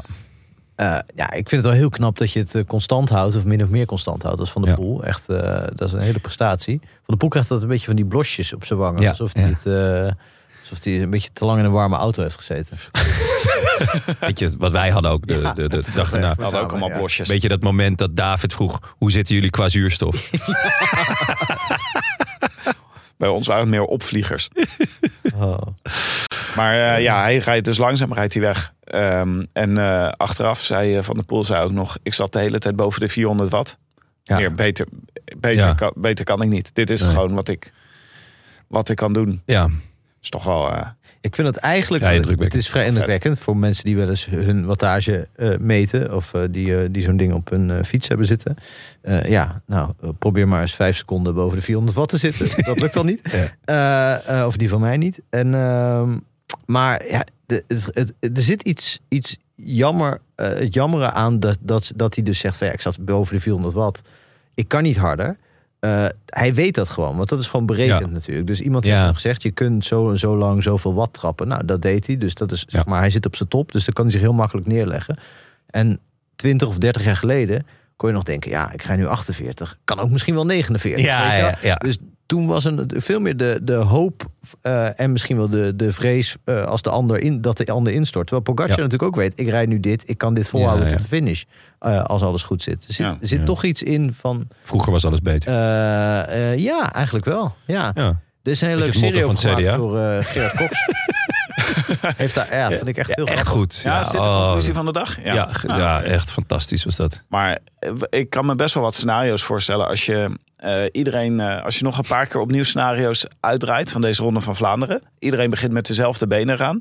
Dat er ook scenario's zijn waarin Mathieu wel wint. Ik vraag me dus af, als hij altijd werkt, daarvoor niet had hoeven doen. Of hij zo snel dat gaatje had moeten laten vallen op die laatste Kwaremond. Want Ja. hij klom dus zelf ook loeihard. Ja. Ja. Je hebt zo'n één zo'n camerabeeld wat, bij, wat rondgaat, waar je dus eerst Pedersen ziet komen. Dan zie je de stoomtrein van eh Poggi zie je voorbij komen. En dan Mathieu. En die zien er echt zo beduidend veel sneller uit dan Pedersen. Dat ik ook het gevoel was, ja, Mathieu was ook heel erg goed. Ja, hij was heel erg goed. Hij zei dat hij nooit zo goed was geweest. Nee. Ja, dus de misschien ronde. dan net Ja. dat begin. Dat was, nee. Ja. Aan de andere kant, je kan ook nog wel wat scenario's uitwerken waarbij Benoot en Laporte wel goed worden gebruikt. En dan kan je, kan je het ook nog wel zien gebeuren dat, eh, dat Van Aert wint. Ja, behalve dat er bij Van Aert natuurlijk een rare situatie was. Dat Van Hooydonk na afloop zei... ja, ik eh, bood aan me meteen te laten zakken toen Ja. eh, Van Aert gelost was. En dat Van Aert toen zei... nee, nee, nee, wacht maar even. Ja, dat Eh, was geen goede keuze. Eh, en dat is natuurlijk een verkeerde keus. En dan kun je nog zoveel mensen vooruit sturen. Maar als je ze niet gebruikt op het moment dat, dat je ze Ja. echt hard nodig hebt... Ja, dan Ja. win je natuurlijk niet. Ja. Dus dat was gewoon een verkeerde inschatting. Ja. Het is wel lekker wat Tim, want eh Mathieu was echt eh, meer dan tevreden volgens mij. Of in ieder geval, hij, kon heel, hij was helemaal niet teleurgesteld. Nee. Hij had van een betere verloren. En jij probeert toch, toch die teleurstelling er een beetje in te masseren. Ja, ja, ik zou toch wel flink balen. Hoe zou Wout van Aert zich voelen? Want die had wel echt ook de kranten in België. Die waren echt al zes maanden lang waren ze gewoon aan het hypen. Ja, hij heeft nog niet gereageerd volgens mij. Nou, hij was. eh, Hebben jullie hem- hebben jullie al woorden van hem eh, gehoord? In, in dat eh, sportweekend, in dat journaal, eh journaal-item dat eigenlijk over de Attila Volter ging, werd hij uitgebreid gesproken door Sammy Nering, die altijd op zoek gaat naar de diepere lagen in, het, in de teleurstelling van iemand. De, de Tim de Gier van dienst. ja. en, en toen zei hij wel van ja, ik ben echt heel erg teleurgesteld. En, en toen ging het al over Robert. Zei, nee, ik ben nu even gewoon alleen maar teleurgesteld. En dat hij eigenlijk het gevoel had van ik moet mijn excuus maken aan mijn ploeggenoten. Want eh, we hadden hier kunnen moeten winnen. Echt? Ik had zeker op het podium moeten eh, rijden. Of dat had ik ze, had ik ze moeten gunnen of, of moeten geven. Of weet ik veel wat. Iets, iets van die strekking. Eh, hij keek er ook bij. Van Aert kan echt waanzinnig goed teleurgesteld kijken. Hij heeft van die hele Ja. donkere ogen en donkere wenkbrauwen. Die dan samen een soort van pool van, eh, van ellende worden. Eh, ja, ik, ik vond het echt sneu. Ja, wat- het klinkt, eh, ja. in België merk je gewoon dat er Ja. echt een soort, soort opgefoktheid rond een Vlaamse toprenner en de Ronde van Vlaanderen. Ja. dat wordt echt een beetje onaangenaam eigenlijk, vind ik. Qua, qua... Oh, het wordt onmenselijk in ieder Ja. geval. Ik vind het echt, want hij is natuurlijk extreem nuchter en extreem goed. Maar zo, dit, dit kun je niet aan jezelf voorbij laten gaan. Je kunt niet doen alsof dat niet allemaal aan de hand is. Het is echt Ja, om Maar gelukkig is te het worden. zondagmiddag om vijf uur is dat allemaal vergeten hoor. Ja, maar vol, het komt Dan, heeft hij Roubaix gewonnen en dan lullen we nergens meer over. Ja, daar ben je echt heilig van overtuigd. Ja, Ah, ik zou het wel wholesome vinden. Het voelt voor het seizoen, weet je wel? Dat Mathieu van der Poel Ja. wint Sanremo. Ja. Poggi wint Ronde van Vlaanderen.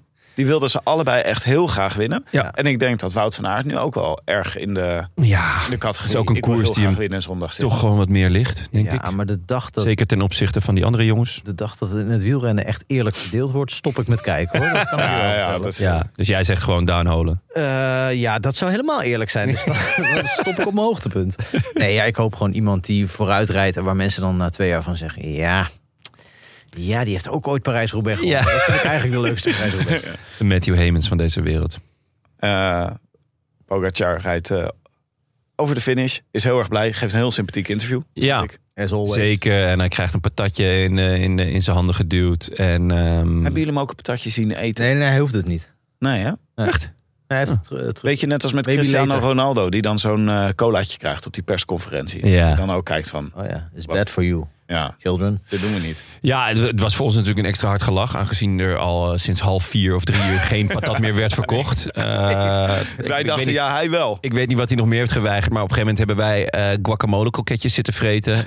En Met, nou ja, meer dan gezonde tegens. In ieder geval bij jullie. Ja, Eh, kleine tip ook voor ik had de- ze betaald, dus ik was nog wel enthousiast. Maar eh, ik merkte rest bij jullie dat het ge- gegeven paard werd eigenlijk onmiddellijk in de bek geslacht. Ja, ja, nee, voor alle foodtruckhouders en snackbar-bezitters in Vlaanderen.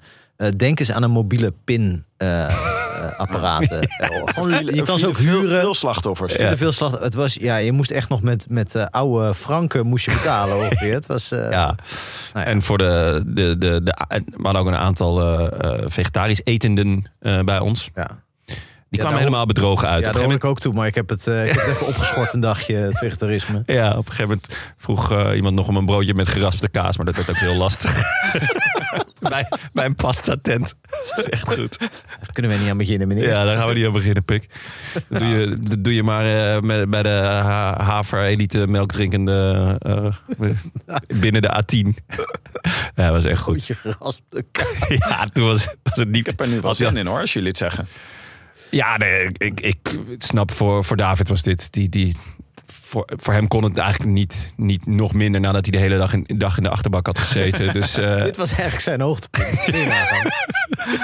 De top 5 werd uiteindelijk Poggi, Van der Poel, Pedersen, Van Aert en Paulus. ja, Paulus, wat rijdt die een, eh, een seizoen tot nu toe? Ja. Eh, en Pedersen, perfect, perfect plan. Eh, perfect gespeeld. Maximaal resultaat. Eh, hij is echt, eh, nou ja, best of the rest denk ik ook tactisch gezien. Zou die Parijs-Roubaix kunnen winnen? Ja, ik denk Wel, dat, dat het eh, voor Parijs-Roubaix, eh, als iemand van aard kan kloppen, dan is het, eh, dan is het Pedersen. Niet van de Poel. Ook wel, maar ik weet niet. Ik heb, hem, ik heb Van der Poel, ja, in Roubaix. Hij komt wel vaak dicht, maar hij is nooit de beste. Ja, nee. De- hij, heeft, hij heeft het toch. Het, het is wa- waar de Ronde van Vlaanderen hem, hem echt fits like a glove. Daar heb ik dat bij. Eh, ehm, Weer zo'n slobberende sok is dat. eh. Weet je een slobberoen. Ja hoor, en nu wordt hij uitgelegd, de opening van de podcast. Oh, de slobberoen. Dat was het absolute dieptepunt en hoogtepunt wat betreft woordgrappen Ja, in de Attila Volter. De terugreis. Want Ja. we zijn eh, meteen na de finish eh, zaten wij alweer, eh, waren wij op weg naar huis. Want we dachten, dan zijn we lekker bij tijds thuis. ja, eh, niet eh, hadden we geen rekening gehouden met de paar honderdduizend Vlamingen die dat ook dachten. en met het feit dat je eh, een paar keer het parcours moet oversteken om zeg maar, Ja. uit, uit het min of meer de Vlaamse Ardennen te komen. Dus we stonden praktisch overal in de file.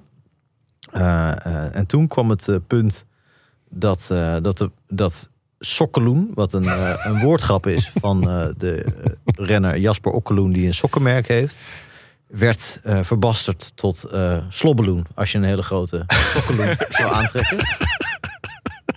En dat was zo'n dieptepunt Ja. en tegelijkertijd zo'n hoogtepunt. Dat werd een hoogtepunt uiteindelijk. Dat, Ik vind is- het, ik vind het een- absoluut een dieptepunt. En dat je nog gaat uitleggen hier ook. Vind ik ook echt nog wel. Ja. Gaat gewoon.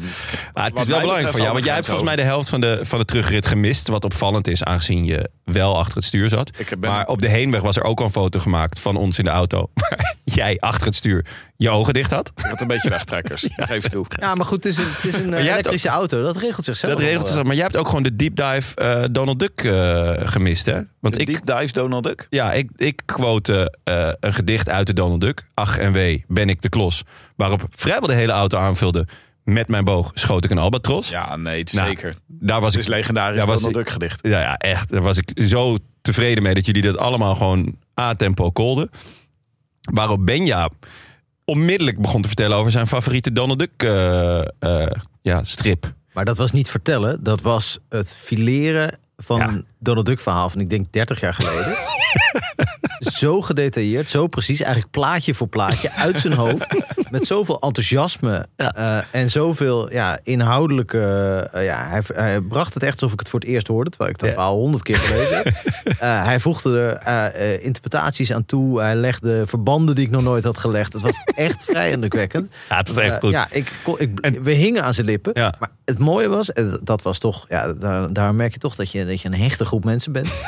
iedereen kende dat verhaal. Hoe groot is de kans dat iedereen hetzelfde Donald Duck verhaal uit zijn hoofd kent? Even het verhaal voor mensen die nu denken over welk verhaal zou dit nu Ik kan gaan. het bijna niet reproduceren eigenlijk. volgens mij was het van toen Donald Duck 50 werd. Ja, en toen eh, dat hij eh, in, een, in een museum eh, per ongeluk over een, een, Een lamp wrijft. lamp wrijft of een vaas. En dat er een geest uitkomt en dat hij dan wenst dat hij nooit geboren is. Waaruit, waardoor dus blijkt dat De hele heel- loop van Duckstad heel dan Dukstad anders. een zootje is, zou zijn geweest als hij niet was geboren. Dus, Ja. dus Kwikweg en Kwak zijn een soort obese gasten die nou, nauwelijks van de bank nog komen.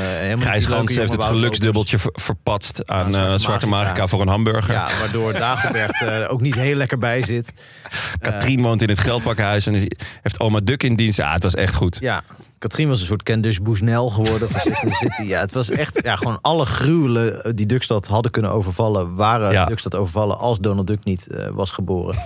ja, maar je moet het eigenlijk van Benjo Ja, horen. laten we, we, nodigen binnenkort weer uit. De Nederlandse Benja of de Belgische Benja is nog niet helemaal duidelijk. En dan zal die eh, Komen ze in... samen. Ja, We gaan hier nog een keer diep, diep op in. Ja, maar toen het, we hadden net dus Donald Duck Deep Dive in het documentje gezegd. En jij zet Donald Duck Deep Dive? Ik heb echt geen idee waar jullie het over hebben. Dus het was een half uur dat jij je oogjes dicht had achter het stuur. Tussen Breda en Utrecht is het daarover gegaan. Ja, ja, ik heb een half uur bewusteloos op het, over het stuur gehangen en niemand heeft gedacht. Dat is niet de bedoeling. Oké, mooie overwinning van Pogi. Eh, wat hadden wij? Even naar onze voorspelbokaal kijken.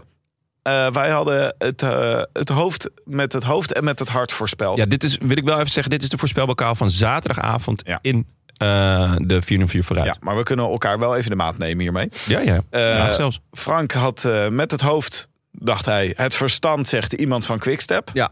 Dat is ook rich. Ja. Ja, mijn verstand, ik weet niet waar het was. We hadden al wat gedronken. gewoon. ja, ik wou het zeggen. Er zaten al een paar kware mondjes in. Het hart zei, Ja, Daan Holen. Daan Holen. Ja, daar kwam je eind jouw mee. hart zegt dus, is toch een betere raadgever dan jouw hoofd. Ja, dat heb ik vaker gehoord. ja. Wel dat ik denk dat als Daan Holen en Mats Pedersen gewoon van rol waren gewisseld... dan had ik het nog wel willen zien. ja, ja, zeker. Jonne had eh, het hoofd zei, Pogi, het hart zei, Nase. Hoe heeft Ja. Nase het gedaan? Ja, veertigste of zo. Volgens mij zat hij net voor die valpartij van Ballerini.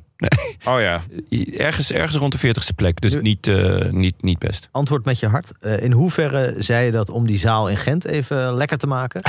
nee, dat, eh, dat, meen, dat meen ik echt. Ik heb echt een, eh, echt een, een tuintje in mijn hart voor, eh, voor Olly. ik zou Maar wat vertellen. Dat het, dat het Precies goed viel. 40ste. Oh. Nou, kijk eens aan. Eh Mooi, Oliver Naas 4.0. Maar ehm, ja, nee, dat het goed valt bij de bel. Ik had natuurlijk ook eh, eh, hè, gewoon Daan Holen of zo kunnen doen. Maar da- daar krijg je de zaal niet mee. Nee, maar ik laat echt mijn hart spreken. Ja, Even kijken, Mike Tim. had eh Tjeu en Tjeu, ja. voor allebei. Oh ja. Natuurlijk goed waar het eh, hoofd vol van is, loopt het hart van over. Ja, Zoiets. dat, eh, dat zijn Maaike. Benja had eh, die, zijn verstand zei van aard en zijn hart zei van hoofd. Ja, Van hart en van hoofd. Ehm, en jij Ja. had Stefan Kuhn. Maar dat was voornamelijk zodat je je Kung, Kung, Kung, Stefan Koen ja maar hij deed kon afspelen. Ja. Ja. Vervolgens deed je ja, zittend wel dansje erbij. Maar toen ik eh, je voor de bus gooide en zei... kom op, doe dat eventjes op het podium. Ga even staan, zei jij. Toen ging je heel snel door naar, naar het hart. En dat was Matteo Jorgensen, zonder dansje. Ja, daar heb ik nog een goed dansje bij nodig. Ja, Dat zou wel leuk zijn. het liefst iets Deens, Amerikaans, Italiaans. Ja, iets En met dan met alle een beetje. flavors. En dan wel met castaillettes om die Spaanse Mobistar-invloeden Ja, eh, te, te voelen. Ik denk dat je heel makkelijk zo'n eh, zo'n zo'n lied moet kunnen vinden. Hij was wel weer goed, hè, Jurgensen? Ja, en Koen ook. Ik vind het wel leuk dat, ze, dat zij gewoon allemaal bij elkaar zaten... en als een soort eenheid opereerden de hele dag. Ja, jouw hart en jouw hoofd waren voor het eerst één. Ja, ja dit is voor het eerst dat het samenviel, denk ik. Ja. Maar ehm, die eh Jurgensen hadden wij een beetje eh, bekeken. En als je ziet wat, wat hij doet en de koers die hij rijdt. En, en het is een beetje een Poggi light, toch? Weet je wel, hij rijdt klassementen. Hij wordt achtste in Parijs-Nice, geloof ik. Eh, hij wordt vierde in eh, E3. Hier wordt hij ook weer zesde of zo. Maar dit, dit zou Paulus, die wordt vijfde Ja. volgens mij. Eh, Ja. die, die kan ook goed bergop. Die zou ook klassement kunnen rijden. Ik weet niet of hij Heeft dat hij, ja, heeft hij gedaan dit jaar al. Ja. eh, wel kort eh, koers van een week. Dus wat zijn ze in Amerika bij de bond daaraan doen om mensen zo breed op te leiden dat ze overal net niet super zijn, maar wel super goed. Ja, nou ja, het is eh Maar wel leuk. Ja. Leuke renners allemaal. opvallende rennen. Ja. Eh, 22 vrienden voorspelden het goed. Joop is GOAT. ja. PV Joop eh, is uit, eh, door de notaris tot winnaar gekozen. Nou, schitterend. Wint eeuwigdurend praalrecht. Mag de groetjes inspreken op Vriend van de Show. Eh, en je krijgt natuurlijk de prijs van onze vrienden van BBB. Die dit hele wieler voorjaar onze podcast sponsoren. Eh, we hebben hem niet nodig gehad onderweg, de multitool. Was natuurlijk handig geweest. Als Nee, we om jou wakker te slaan. wel bij ons. Om jou wakker te porren. Ik merkte wel veel jaloezie op mijn BBB eh, fietsbril. Zo, ja, die is ook wel echt goed hoor. Die is echt, maar hij past ook heel erg bij de auto waar we dan in zitten. Dat is ook gewoon eh, bij de Attila Volter. Gewoon qua swag. Ja, het is een grote gele fietsbril. ja. Nee, dus, Ja, het Benja, het was het eerste wat hij deed toen hij, toen hij instapte. Ja, de fietsbril de fietsbril pakken en opzo- opzoeken en pakken. En niet meer afgedaan. Pas toen de volgende dag eh, konden we, konden we zijn- echte gezicht weer zien. Eh, het is, eh, als je de voorspelbokaal goed hebt, dan win je een compleet zadeltasje gevuld met allerlei mooie en handige tools voor onderweg ter waarde van 124 euro. En voor alle vrienden, bij de webshop van BBB Cycling krijg je 20% korting met de code Rode Lantaarn 20. Rode met een hoofdletter R, lantaarn met een hoofdletter L, 20. Nou, goed gedaan Tim. Ja? Ik merkte dat je zenuwachtig was. Ja, het is altijd weer even, eh, even klotsende oksels als dit Ja. eh, momentje komt. Oké, dan eh, hebben we nog de groetjes van vorige keer. Niels die Gent Wevelgem goed voorspelde. Ja, komt-ie. Beste bankzitters. Hier de eigenaar van het eeuwige spraalrecht met dank aan Christophe Laporte in Gent-Wevergem. Van het eeuwige spraalrecht gaan we zeker gebruik maken, te pas en te onpas. De groetjes, die doen we uiteraard aan het Ancien Regime, maar ook aan de wieler-appgroep Alphe versus Krommenie en aan al mijn deelnemers van de Toto. Frank kan dan wel zeggen dat als je zelf een Toto organiseert, je altijd wint. Maar helaas moet ik toch concluderen dat mijn laatste overwinning dateert van de Giro 2017. De tijden dat je een Toto kon winnen dankzij renners als Stefan Schumacher, Rinaldo Nocentini en Christopher Horner zijn helaas voorbij. Veel plezier in Gent en uiteraard zondag veel plezier tijdens Vlaanderens mooiste. Nou, dankjewel voor de Toto. Zit je nou gewoon onze groetjes belachelijk te maken? Ja, Niels praat een beetje hetzelfde als ik. Ja. maar had, Je ze, doe mee met die Toto.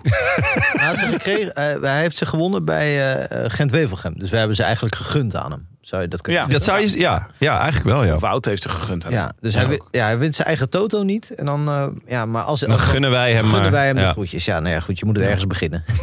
maar toch leuk, toch leuk. Dankjewel Niels. Niels. Eh, Hey. Slobbeloen. eh, de volgende rit. De Scheldeprijs. Ja, ik Ja. weet niet hoe lang jij hier nog tevreden over gaat zijn, Jonne. Maar Ja, ik ben zolang, bang dat dit heel Frank lang elke gebeurt. keer weer helemaal stuk gaat. Ik, moest, ik weet, ik vind de lach ook... Ik kon niet slapen vannacht, want ik zat nog vol met energie. Ja. En op een gegeven moment moest ik toch weer aan Slobbeloen denken. Toen heb ik het je ook nog ge-sms'd. Ja. Ging weer helemaal stuk. Gewoon alleen dat woord was gelopen. Slobbeloen. Slowdoen. Ja, ja, het is, ja, het is denk ik ook wel iets wat een soort eh, nieuwe beweging zou kunnen worden. Maar goed, het staat nog een beetje in de kinderschoenen. Ja, het, het is op zich na het dualisme zijn we wel weer toe aan een beweging, denk ik. De Scheldeprijs, die we nu gaan proberen te voorspellen, kent vijf beklimmingen van buitencategorie. Ze dachten, we doen het een keer helemaal anders. We gooien doen het helemaal anders. Nee, het is echt nog, eh, nog, nog lager en platter dan ons niveau. het is gewoon keihard van Terneuzen naar Schoten racen. Dat is leuk altijd om te kijken, de Scheldeprijs. Wat verrassend wat je denkt, ja, dan hoef ik echt alleen maar voor de sprint te kijken. Maar het is de Nee. aanloop is ook altijd heel leuk. Ja, zeker. Veel waaiers, hopelijk. Wie eh, schrijven jullie op? Ik ga voor... eh, Frank, jij zei dat zijn bijnaam Big G is? Ja, in ieder geval werd hij zo een keer in het commentaar genoemd. Kan zijn dat het een kleine oprisping was van de commentator van dienst. Ja. Eh, dan zou ik zeggen, dan eh callen we hem nu, die bijnaam. Ja. Big G. Big G, Gerben Thijssen. Ja, uitstekende bijnaam. Nou, goede leuke voorspelling. Ik, ik ga voor Fabio Jacobsen. Leuk. Ik denk dat dit de volg- het volgende hoofdstuk wordt in de strijd om welke sprinter mag er mee naar de Tour. Ah ja. Ja. Als uh, Jacobsen wint woensdag, wat ik hem zeer gun. Dinsdag. Woensdag. Woensdag. woensdag. Ja. Dan eh, wordt het weer ingewikkelder. En, eh, want heb- volgens mij is Merlier nu koppositie. heb ik het gevoel. Maar gevoelsmatig denk ik pole position. ja. Maar dan wordt het nu weer omgedraaid als Jacobsen wint. Maar ik heb ook een beetje het idee dat jij denkt dat dit een aanloop is naar Jacobs's overwinning in Roubaix. Toch? Ja, ja, dat zou ook nog kunnen. Ja, dat is, eh, ik Ja, hoop wie denk jij dat eerder wint? Mer Merlier of Jacobsen? Ja, Jacobsen in de vroege vlucht zou ik leuk vinden. Ja. En misschien dat hij dan gewoon zo hard op zijn tanden bijt... dat hij het gewoon volhoudt tot het einde. En dan de sprint wint. Ja, tuurlijk. Holy Dan gewoon. shit, dit scenario. Gasdon heeft ook ooit eh Parijs-Roubaix gewonnen. Wie? Gasdon. Ja. Dus waarom Jacobsen niet? In de sprint. ja. Zou kunnen, hè? je weet het nooit. Frank? Ja, eh, dan even serieus. Eh, ik, eh, ja, gewoon de, de ploeg in de winning mood is natuurlijk UAE. Eh Ja. Pogacar doet niet mee aan de Scheldeprijs. Dus dan kom je al heel snel bij eh, de tweede grote man daar. En dat is Sjoerd Baks. Ja. Schitterend. Dus dan Nou, is eigenlijk iedereen, rijdt iedereen achterbaks. iedereen, iedereen finisht achter Baks. Ja. En eh, nee, maar die was... ja, ik, ik heb hem in de ronde niet heel veel gezien. Hoewel hij ongetwijfeld eh, veel gewerkt heeft. Hij Ja. prima, hij is prima gefinished. 68ste samen met Starke Lengen. Eh, maar hij was in een aantal van die kleinere koersen... die toch meer op de Scheldeprijs lijken Ja. dan de Ronde van Vlaanderen... was hij echt uitstekend. Klopt. Joost mag weten hoe die gaat winnen. Want hij heeft natuurlijk wel een aardige sprint. Maar er zou wel eens iemand sneller kunnen zijn. Eh, maar ja, sluit, eh, ja, Ja, we sluiten het niet ik uit. sluit zeker niks Als hij de sterkste man in koers is, verdient hij het ook gewoon. Ja, Weet je wie Mike heeft opgeschreven? Onze, onze, ja, onze conculega. conculegaatje. Thijs Zonneveld. Doet Thijs ook mee. Z. Ja, dat is toch... Ja, Ik zou dat heel leuk vinden. Ik zou dat ook heel leuk vinden. Maar vinden jullie het niet confronterend? Dat er gewoon iemand is die eh, ouder is dan wij alle drie. Eh, ook gewoon een podcast heeft. eh, wel, hij doet ook nog wat andere dingen. Maar dat hij ook gewoon zeg maar, in zijn vrije kind. tijd proefrenner is. En dat hij is toch, Frank, kijk eens goed naar mij. Zie ik eruit als iemand die zin heeft om een wielerwedstrijd te rijden? als je, zo, als je zin ook- zou hebben, dan zou je het wel kunnen. Hij heeft toch ook drie kinderen? Dus gewoon ook één meer dan wij en drie meer dan jij. Drie meer dan ik. Ik vind het leven echt zo, al Hij zo... kan het nu al nauwelijks aan. Het is echt Ik bizar. vind één keer per week eh, tijd vinden om te sporten. Vind ik al, Ja. ik al, nou, dat heb ik toch maar weer gepresteerd. hij gaat gewoon de Scheldeprijs rijden. Als ik woensdag dus een rondje ga hardlopen, gaat hij de Scheldeprijs rijden. Ja, het is echt, ja, het is echt krankzinnig. Maar, En winnen, ja. blijkbaar. En winnen, ja, Ja. dat is eh, ja, net zo makkelijk. Dan gaan we nog even naar de post. St. Of doe je hem niet meer? Nee, doe ik echt. Hoe lang heb je al niet naar een aflevering geluisterd? Jezus, Tim. Nee, die, eh, die, Geen jingle. nee, die jingles heb ik echt al heel lang uitgehaald. Kom je ook nu? We zijn een half jaar onderweg. Eh, we kregen een mailtje van Roan Preesman. Ha, Amaike, mannen en Gietje. Allereerst bedankt voor alle jaren luisterplezier. Ik geniet iedere keer van jullie wielerinzichten... van alle ongerelateerde verhalen over botermachines, boenmachines en de Donald Duck. Eh, en stiekem nog wel het meest van alle woordgrappen. Tijdens de laatste aflevering met Jon en Benja ging het over Pitcock en zijn status als aan-uitrenner. Hier werd een terechte vergelijking gemaakt met het rad van Kwiat. Eh, ik vroeg me derhalve af of er ook een dergelijk rad voor Pitcock zou zijn. Zou hij voor ieder seizoen draaien aan de Pimpam Pitcock? De grootte van het rad past hem in ieder geval goed. Wanneer zou hij de R draaien? Groetjes, de Havik uit Heinoord. Ja, een uitstekend idee. gaan we overnemen. De Pim- Pimpam Pitcock. Pimpam Ja. Pitcock, ja. Waar Waar staat, staat die de R voor? Eh Roubaix, Ah, denk ik. Ja. Of Of de Ronde van Maanden. ik weet het niet. ja, de Ronde van Vlaanderen. Eh, de Ronde van Frankrijk. Ja, het kan. Ja. Als hij de R draait, wordt het in ieder geval een druk jaar. Ja. genoeg te doen. Alles Ja. wat met ronde begint. Oh, nee, de ronde van. Zwitserland, Ja. ronde van Lombardije. ja. Nou Eh, maar een uitstekend eh, eh, idee. En eh, nou ja, de, had in ieder geval nu nog niet te erg gedraaid. Want de Ronde van Vlaanderen eh, was het, eh, was het, stond hij uit. Hoewel die niet helemaal uit stond. Hij, Nee, hij hij, is, hij is natuurlijk pas net terug. Op en, mute stond hij. denk ik. Ja. nou, of hij stond een stukje aan. Ja. Dat gevoel had ik. Hij- Ja, maar dat kan eigenlijk hij, niet. Maar kan doe met een zo'n stukje mee met de grote drie. Oh ja. En toen dacht hij daarna, laat maar. Of iemand had hem aangezet, wat je ook wel eens hebt, dat er dan iemand langsloopt, bijvoorbeeld met, een, eh, met zijn handen vol, en dat hij per ongeluk even weer hem uittikt, schakelaar. Dat is denk ik bij Pitcock Ja, gebeurd. Sheffield is tegen hem aangefietst. Ja. Daarna was hij uit. Eh, we kregen ook een mailtje van Jacco Leeuwerink. Die schrijft... Dag heren, het is alweer even geleden. Maar ik dacht, ik mail weer eens. Dit keer over de hoofdsponsor van Jumbo, Visma. Die over een tijdje niet meer Jumbo zal zijn. Ik dacht, welke organisatie heeft nu een slecht imago? En dat best wat sportwashing... En wat hashtag samen winnen zou kunnen gebruiken. En heeft ook nog eens wat centjes op zak. En toen kwam ik op... Puntje, puntje, puntje...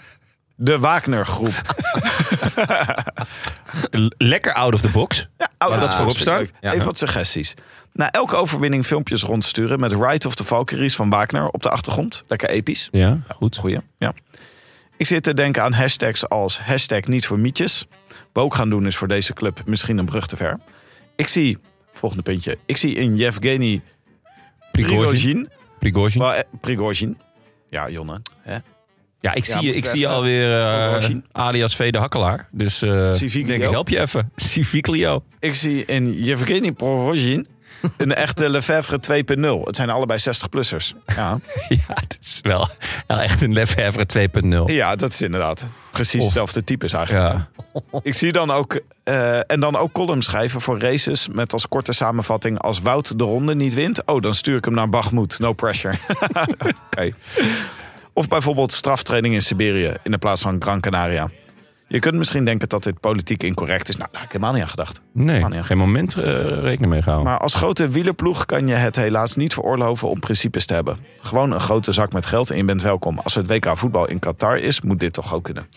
Uitstekende suggestie van Jacco. Ja, bovendien krijgt ehm, de man met de hamer ook wel een heel andere lading eh, eh, in het wielrennen dan in ene, toch? Ja, ik vind het allemaal een beetje zoen, persoonlijk. Beetje zoen. Too soon, ja? Ja, een beetje zoen. Ja, dit is gewoon, dit is gewoon Maar- Jacco, Jacco Leeuwering. Ja, Helemaal Jacco? voor rekening van Jacco Leeuwering. Moet kunnen. Moet kunnen. Goed, dit was het voor vandaag. Eh, bedankt. Ik dacht aan- trouwens dat er stond de Wegener groep. Ik weet niet, bestaat dat nog? Dat was een Wegener. uitgeverij, toch? Ja, Ja. Maar ja, dus dat wel. Denk je dat ook als je Dus Vind dit ik op ook, het eh, journaal vind ik ook hoort? niet De oké. Wagner groep, denk je aan de Wegener groep. denk ik de Wegener groep. Denk God, ik. die uitgeverij die heeft wel eh, Ja, het gaat al lang niet zo goed in die business. weer van schouder veranderd. Maar goed.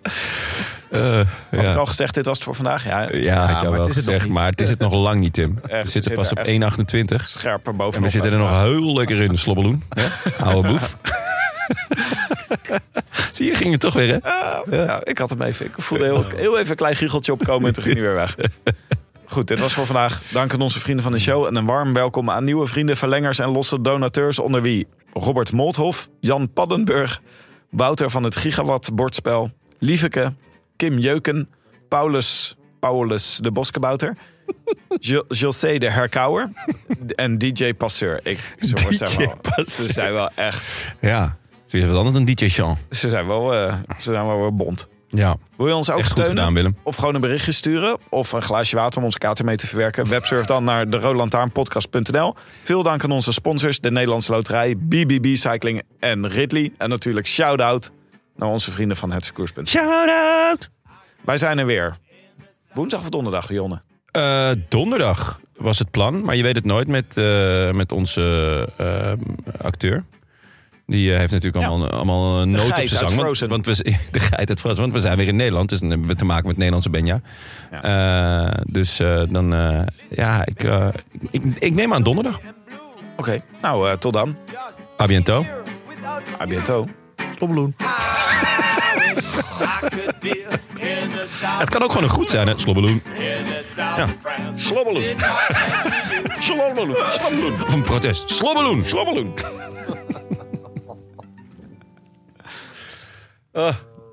Niet verwacht dat de Slobbeloen er nog in zouden krijgen. Maar wel echt goed. Echt goed dat het toch gebeurd is.